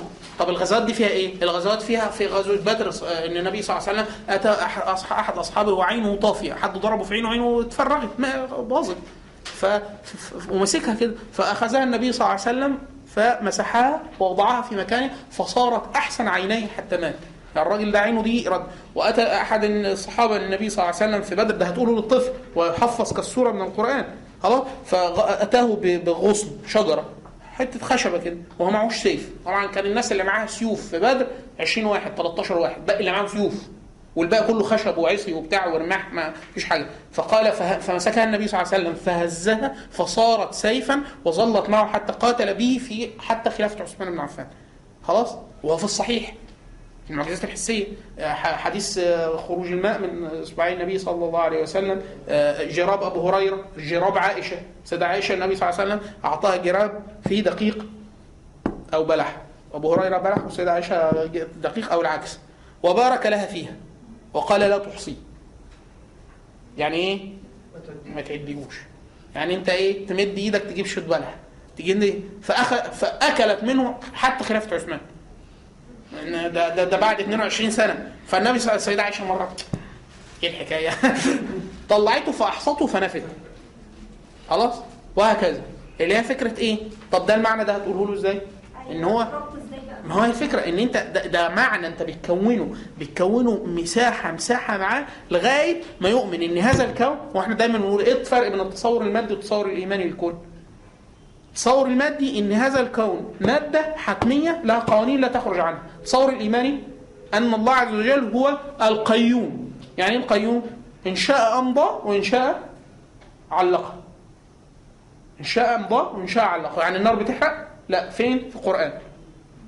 قلنا طب هي النار ما ينفع ما تحرقش آه خالق خالق النار امرها بكده الكون الشمس الوقت ينفع يقف آه أوقف الله عز وجل الشمس ليه يوشع بن يوشع بن النبي بني إسرائيل آه، أوقف له الشمس.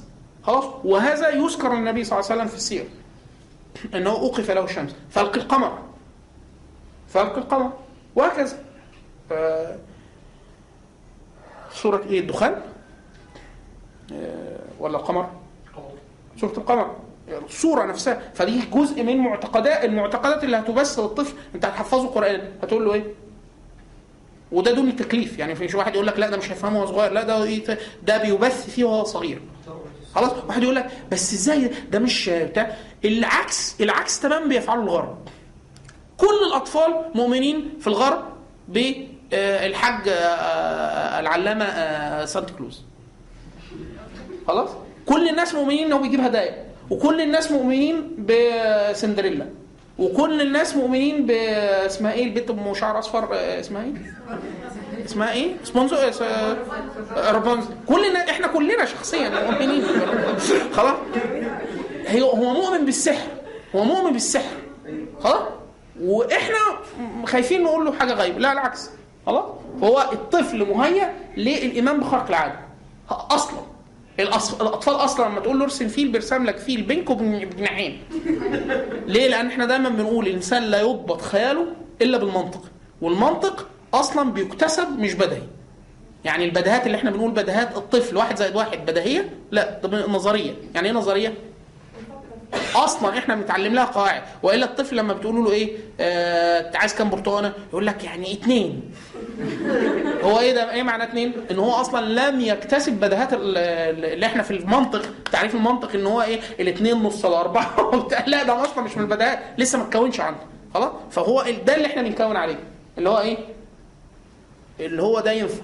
ينفع؟ آه ينفع. وكذا في الشفاء وكذا. حديث النبي صلى الله عليه وسلم في العسل. لما جاله الراجل قال له بطن أخويا وجعاه قال له إيه؟ قال له اسقيه عسل. فرجع له قال له سقيته عسل وما خفش برضه. فالنبي قال له اسقيه عسل. المرة الثالثه قال له ما خفش برضه. فالنبي صلى الله عليه وسلم قال له إيه؟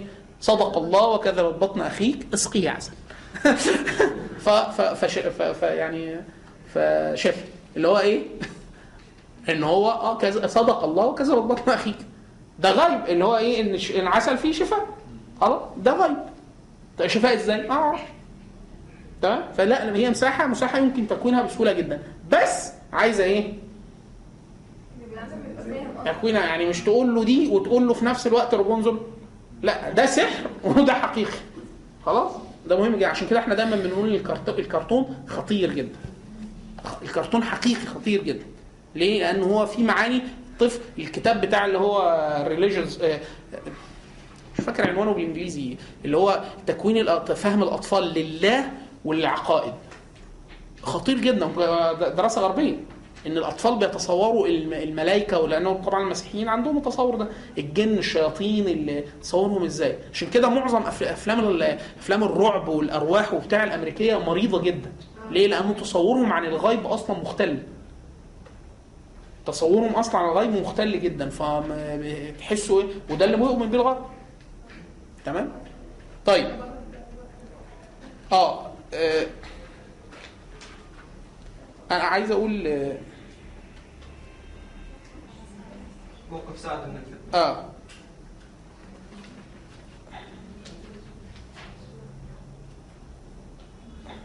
يعني عمرو بن سعد عن أبيه أنه جاء ان أنه جاءه ابنه آه، عمار ابن سعد فقال أي بني في الفتنة تأمروني أن أكون راسا؟ قالوا له يعني الناس بتتقاتل عن الملك وأنت معتزل.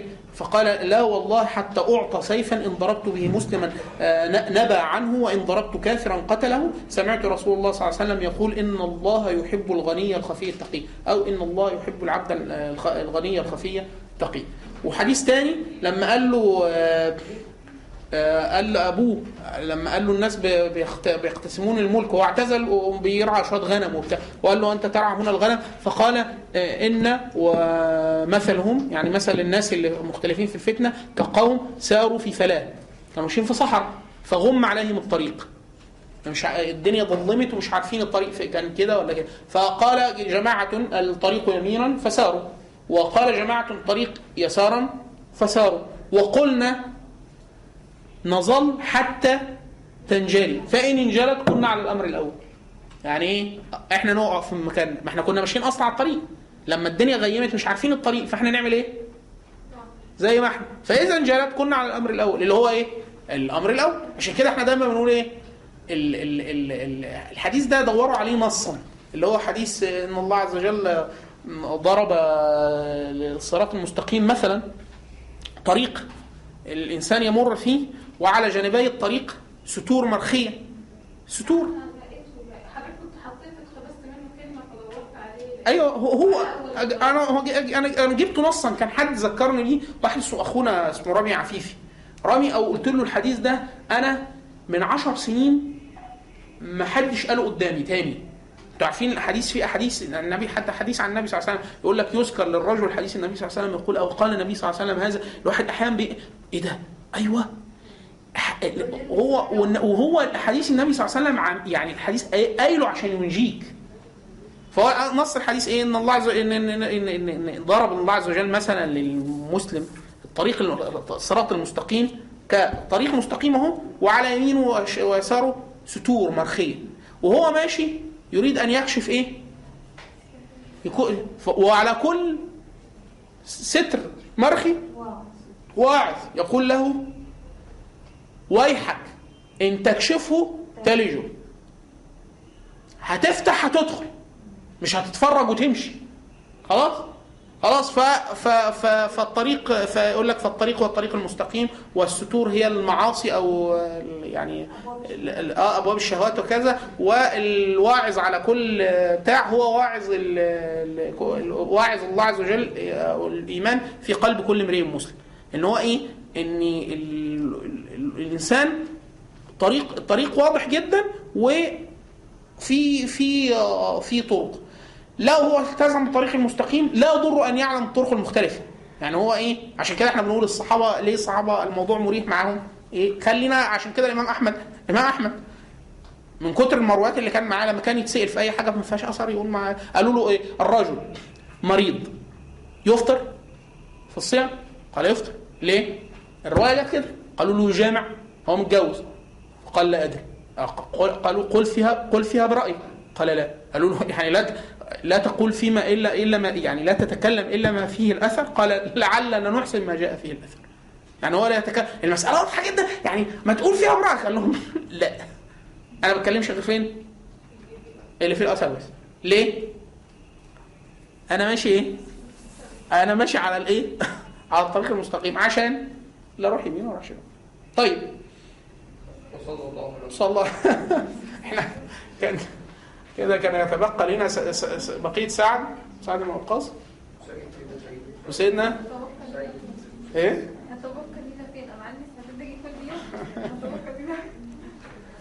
طيب. يتبقى سيدنا سعيد بن زيد بن نفيل.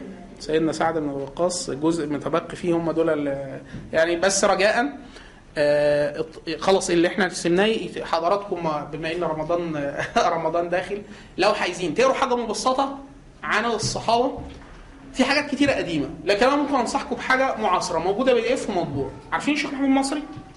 محمود المصري. آه ودايما إحنا بنقول لما بنوصي بأي كتاب نحن لا نوصي بالمؤلف لكن نوصي بالكتاب.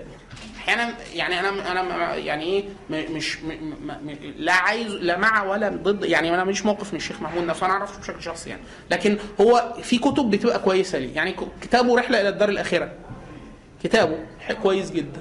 كتابه أصحاب الرسول صلى الله عليه وسلم. هو ده اللي أنا ده محل الشاهد. أصحاب الرسول. ليه كتاب اسمه أصحاب الرسول؟ حلو قوي. كتاب كويس. ليه؟ مختصر. اللي عايز يقرأ زي ده بس بأسلوب أدبي حلو قوي مقدم على آه، على خالد محمد. خالد أصح... آه، آه، رجال حول الرسول. خلاص؟ حلو جدا. خالد محمد خالد أنتوا عارفين إن هو كان ماركسي. كان لا يؤمن بالله واليوم الآخر. سيدنا خالد خالد خالد محمد خالد كان ماركسيا لا يؤمن بالله واليوم الآخر. ثم أسلم. بعد ذلك. وهو ماركسي كتب كتاب آه لا اللي هو إيه من هنا نبدأ. ورد عليه الشيخ محمد الغزالي ساعتها من هنا نعلم. ردوا عليه كان في ملاسنة كده. ثم أسلم. وحسن اسلامه أسلم. صار مسلما يعني شهد أن لا إله إلا الله محمد رسول الله والت... آه، والتزم بتعليم الإسلام. خلاص؟ إحنا إحنا خلصنا. إحنا خلاص؟ فخالد محمد خالد رجال حول الرسول كتاب ممتاز جدا. أو كتب عبد الرحمن رأفت الباشا. صور من حياة الصحابة صور حياة التابعين صور من حياة الصحابيات. عبد الرحمن رأفت الباشا. إيه؟ هو كان معمول لطلبة ثانوي في السعودية. بس هي الفكرة في إيه؟ إحنا بنقول بسيط ليه؟ عشان نأسس عليه. خلاص أصحاب الرسول كويس بتاع محمود المصري أو أشمل في كتير في في تراجم لصحابة كتير. خلاص؟ المجموعه بتاعت لا. لا عقد لا الموضوع بص شوفوا. عمد عمدة الكلام في دين الله عز وجل وفي السير هو الحديث. الحديث النبوي من من ليس له علم دقيق بالحديث بالحديث لا يستأمن على سيرة الصحابة. يعني آه أنتوا عارفين في نص مشهور جدا إن سيدنا عمر الخطاب كان يأد البنات الجاهلية. خلاص؟ في حد ما يعرفش النص الحديث ده؟ النص ده؟ من شهر هذا النص هو عباس العقاد خلاص ولا يصح عن عمر. إن عمر الخطاب كان يأد بناته في الجاهلية.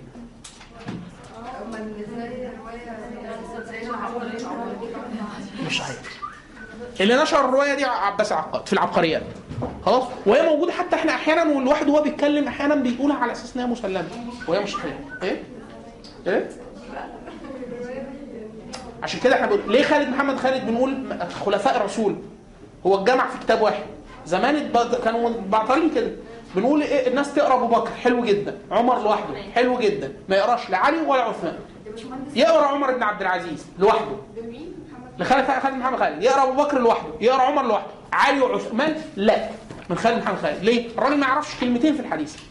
الحديث ده لو أنت مش مستوثق تكذب على الله ورسوله وعلى أصحاب النبي صلى الله عليه وسلم وأنت لا تدري خلاص؟ دي الكلام الكلام عن أصحاب النبي اخوانا ركزوا بس.